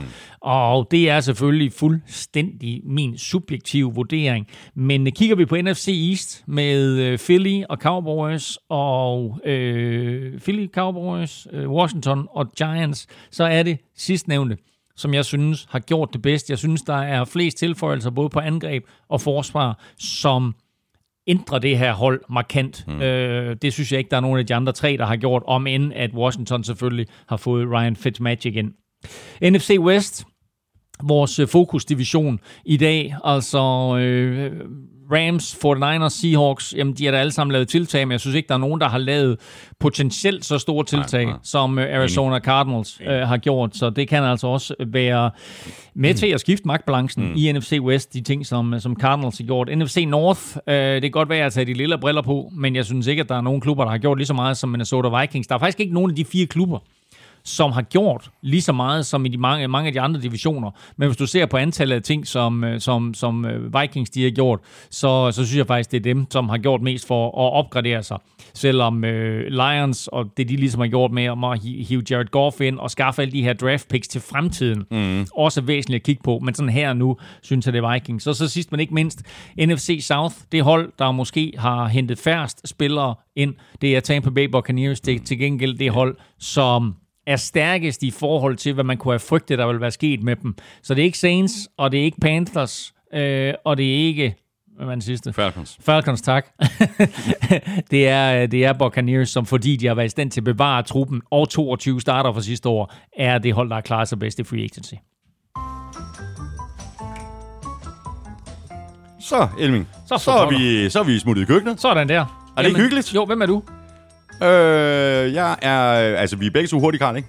Er vi det? Så er jeg røg. Så er du røg, ja. og så er Jan. Ja, det er, det er stærkt. Nå, det er godt. Jamen, grund til, at vi er hoppet i køkkenet, det er selvfølgelig fordi, at Hello Fresh er med os igen, og det er vi selvfølgelig øh, super øh, glade for. Vi havde det med første gang tilbage i vores super, øh, Super Bowl, øh, og det var også en super udsendelse, Super Bowl udsendelse tilbage i februar, og øh, der var vi jo blevet introduceret for det her Hello Fresh og de her måltidskasser mm. nogle uger inden. Og jeg vil bare sige det med det samme. Jeg er blevet fuldstændig afhængig af det her koncept. Jeg er mega fan. Det er uh, helt vildt. Ja. Uh, jeg elsker det, du ved, når, når kassen der, den kommer ind ad døren mandag, og så er der lige mad til hele ugen. Får du kassen om mandagen? Vi, får, får, vi får vores kasse om lørdagen. Nå, nej, jeg har bestilt uh, levering til mandag. Sådan der. Ja. Jamen, uh, okay, ja. Men det er jo også ja. en af mulighederne. Man Præcis. kan selv uh, vælge, uh, sådan vælge sin uh, ja. leveringsdag. Uh, ja. det, det, det, det er super smart. Ja. Friske råvarer øh, kommer i sådan en, øh, en stor øh, papkasse med øh, køleelementer. Varerne de er sorteret efter øh, måltid i poser med farvekoder. Det er jeg rigtig glad for. Det er smart, og det, det kan selv du finde ud af. Ja, og også selvom jeg er fagblind. Men det er, det, det er da rigtig smart, ikke? Ja. Det er rigtig smart, så man ikke skal stå og rode i en kæmpe kasse vi efter, skal, vi, vi efter at finde ingredienserne til, hvad, hvor, hvor skal, skal det være blomkål? Ja, lige præcis. I, igen? Nå, anyway, det er i hvert fald uh, super nemt, det her. Det er, uh, jeg tror med et uh, engelsk ord, så hedder det convenience. Altså, man slipper for at handle, man slipper for at lave madplaner. Altså, nu bor du alene, Elming. Ja. Jeg bor øh, sammen med, med fruen her på adressen. Prøv lige at forestille dig en lettelse, det må være mm. for børnefamilier. Altså, altså med, med små børn, ikke? Jamen, det, det, er, det er genialt. Du går ind, og så tjekker du lige af, hvad for nogle måltider du vil have. Og så kommer kassen der, og så har du, så har du hele ugen. Ja. Og øh, det er heller ikke dyrt, altså, synes jeg. Øh. Nej, altså måske en lille, altså lige en my dyrere, end hvis du selv går ud og så jagter tilbud oh. i supermarkedet, ikke? Men, Men alt det, du slipper for. Og, og der er ikke noget spild. Altså, en af de ting, som jeg synes, der er mega fedt, nu sidder jeg her og, og spiser de her fantastiske supercons. Men en af de ting, jeg synes, der er mega fedt, det er det der med, at det hele kommer i den pose, som du taler om. Mm. Jeg plejer at gøre det, at jeg lige hælder det hele ud. Og så efterhånden, som jeg er færdig med ingredienserne, eller hakket, eller hvad det nu er, mm. så tilbage op i posen. Og når jeg så er færdig med at lave mad, så er det hele det er allerede i posen. Så er der ryddet op også. Exakt. Ja, jamen, det er fantastisk. Der er stort set ikke noget madspil, og jo, den der papkasse, som det kommer i, øh, det er, det er øh, pap, der er blevet genanvendt, så altså også i forhold til CO2 og alt muligt andet, så er det øh, bare en win-win det her. Og så er der altså, der er masser at vælge mellem. For eksempel så er der den, den klassiske, det er den, vi har valgt herhjemme. Man kan også vælge familievenligt, man kan vælge vegetarisk, og man kan vælge nemt og hurtigt, og det, det er den, du har valgt, er det ikke? Nej, nemt og hurtigt. Nej, jeg har taget vegetarisk. Det gør du i hvert fald ikke. det ved jeg, du ikke. Ja. Det Ej, ved jeg, du ikke har. Nej, jeg har nemt og hurtigt. Ja. Og, og jeg skal have vietnamesiske tacos i aften. Uh, det er dejligt. Jeg er ikke engang klar over. Jeg tror, vi skal have snitsler i aften. Schnitzel. Ja, Ja, snitsel, ja, ja, ja, ja, ja, ja.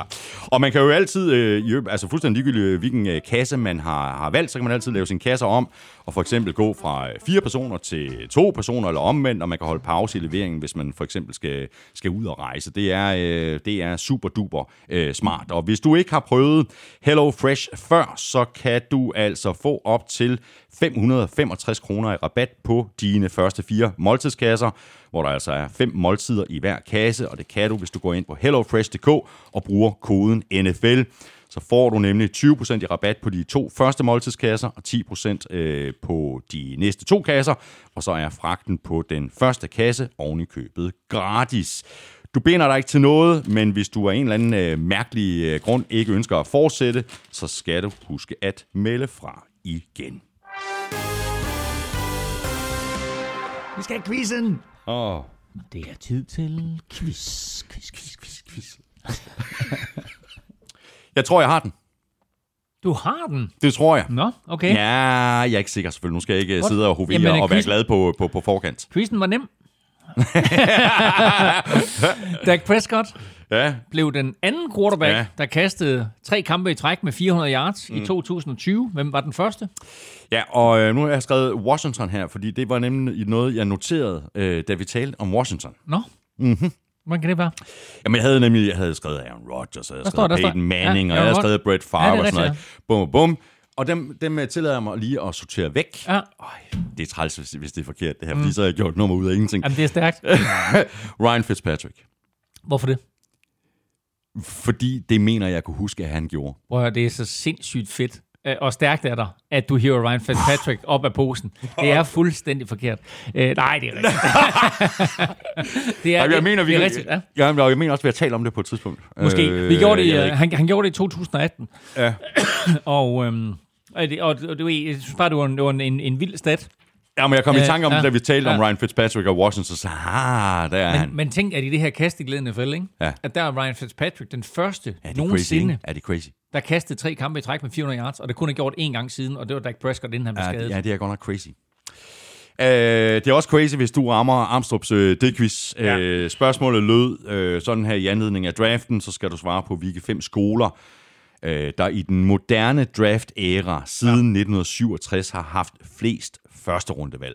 Ja. Uh, Altså nu, jeg er jo fra 69, så jeg kan jo ikke, jeg kan ikke svare på de der to fra 67 Nej, det er klart. 68. Det er Dem, dem klart. har jeg ikke lige styr på. nej, Men, øh, men, men ellers husker du det tydeligt. altså lad mig, lad mig starte med Notre Dame. Uh, er ikke på. De er ikke på. Okay, Nej. så siger USC.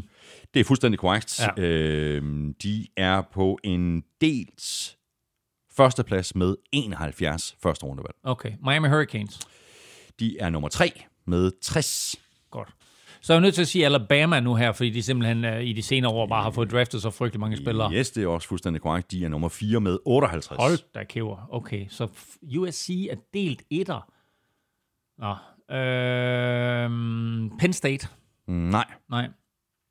Ohio State. Ja. Ja. Også med 71. Ja. Og så mangler vi en. Michigan. Mm, nej. Nej. Øh, bup, bup, bup, bup, bup, bup, bup. Øh, er vi i Florida? Ja. Okay, om så er det, øh, så er det, altså næsten tror det er Florida State Seminoles. Det er det ikke. Så er det Florida Gators. Det er fuldstændig Okay, korrekt. okay. Sådan. Der var ja. top 5. Sådan. Det gik da meget godt. Det gik okay. Ja.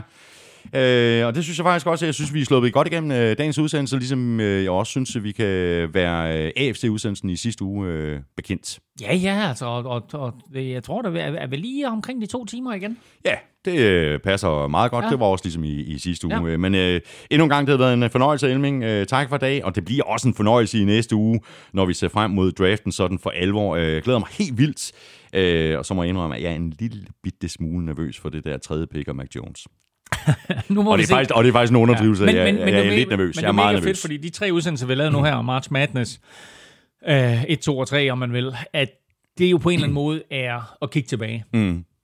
Og nu kommer vi til Exakt. de to næste udsendelser. Det er at kigge frem, hvor det sådan, at vi glæder os til at skulle snakke lidt omkring de her nye unge atleter, der mm. kommer ind i NFL, og jo også på en eller anden måde skulle komme med en forudsigelse omkring, uh, hvordan det går, Ja, ja, ja, og hvordan. Fortnite skulle finde på at trade så mange picks ja, for at tage Kyle det, Pitts. det er crazy. Udsendelse næste uge, øh, der kommer vi til at gennemgå de, de største profiler på de forskellige positioner, og så ugen efter, altså om to uger, der laver vi vores øh, mock draft. Tak for i dag. Tak til vores øh, gode venner og partnere fra Tafel og Hello Fresh. Støt dem, de støtter os. Det kan du også gøre. Der er flere muligheder, hvis du slet ikke kan få nok af os. Dels kan du give os en anmeldelse af fem store stjerner, et af de steder, hvor det er muligt, for eksempel i iTunes. Du kan også handle lidt i shoppen på nflsød.dk-shop. Og sidst, men ikke mindst, så kunne du overveje at støtte os med et valgfrit beløb på tier.dk, eller via det link, der ligger øverst på nflsød.dk, lige ved siden af linket til shoppen i øvrigt. Kæmpe stor tak til de øh, nu 662 der støtter os. Følg Elming på Twitter på snablag NFLming. Mig kan du følge på øh, snablag Thomas Kvartrup. Showet kan du følge på både Twitter og på Facebook. Det er der, du kan øh, komme i kontakt med os og øh, kommentere, stille spørgsmål, og det kan du også på mailsnablag nflshowet.dk. Det var alt for nu. Ha' det godt, til vi høres ved i næste uge. NFL-showet er produceret af Kvartrup Media, der også producerer Danmarks store podcast om dansk politik. Borgen Unplugged, som jeg laver sammen med politisk kommentator Lars Trier Mogensen. Vi er tilbage på fredag. Elming kører videre i det tunge gear med Europa podcasten og så er Elming og jeg ellers tilbage igen i næste uge med vores draft optakt. Ha' det godt så længe. Hot, hot.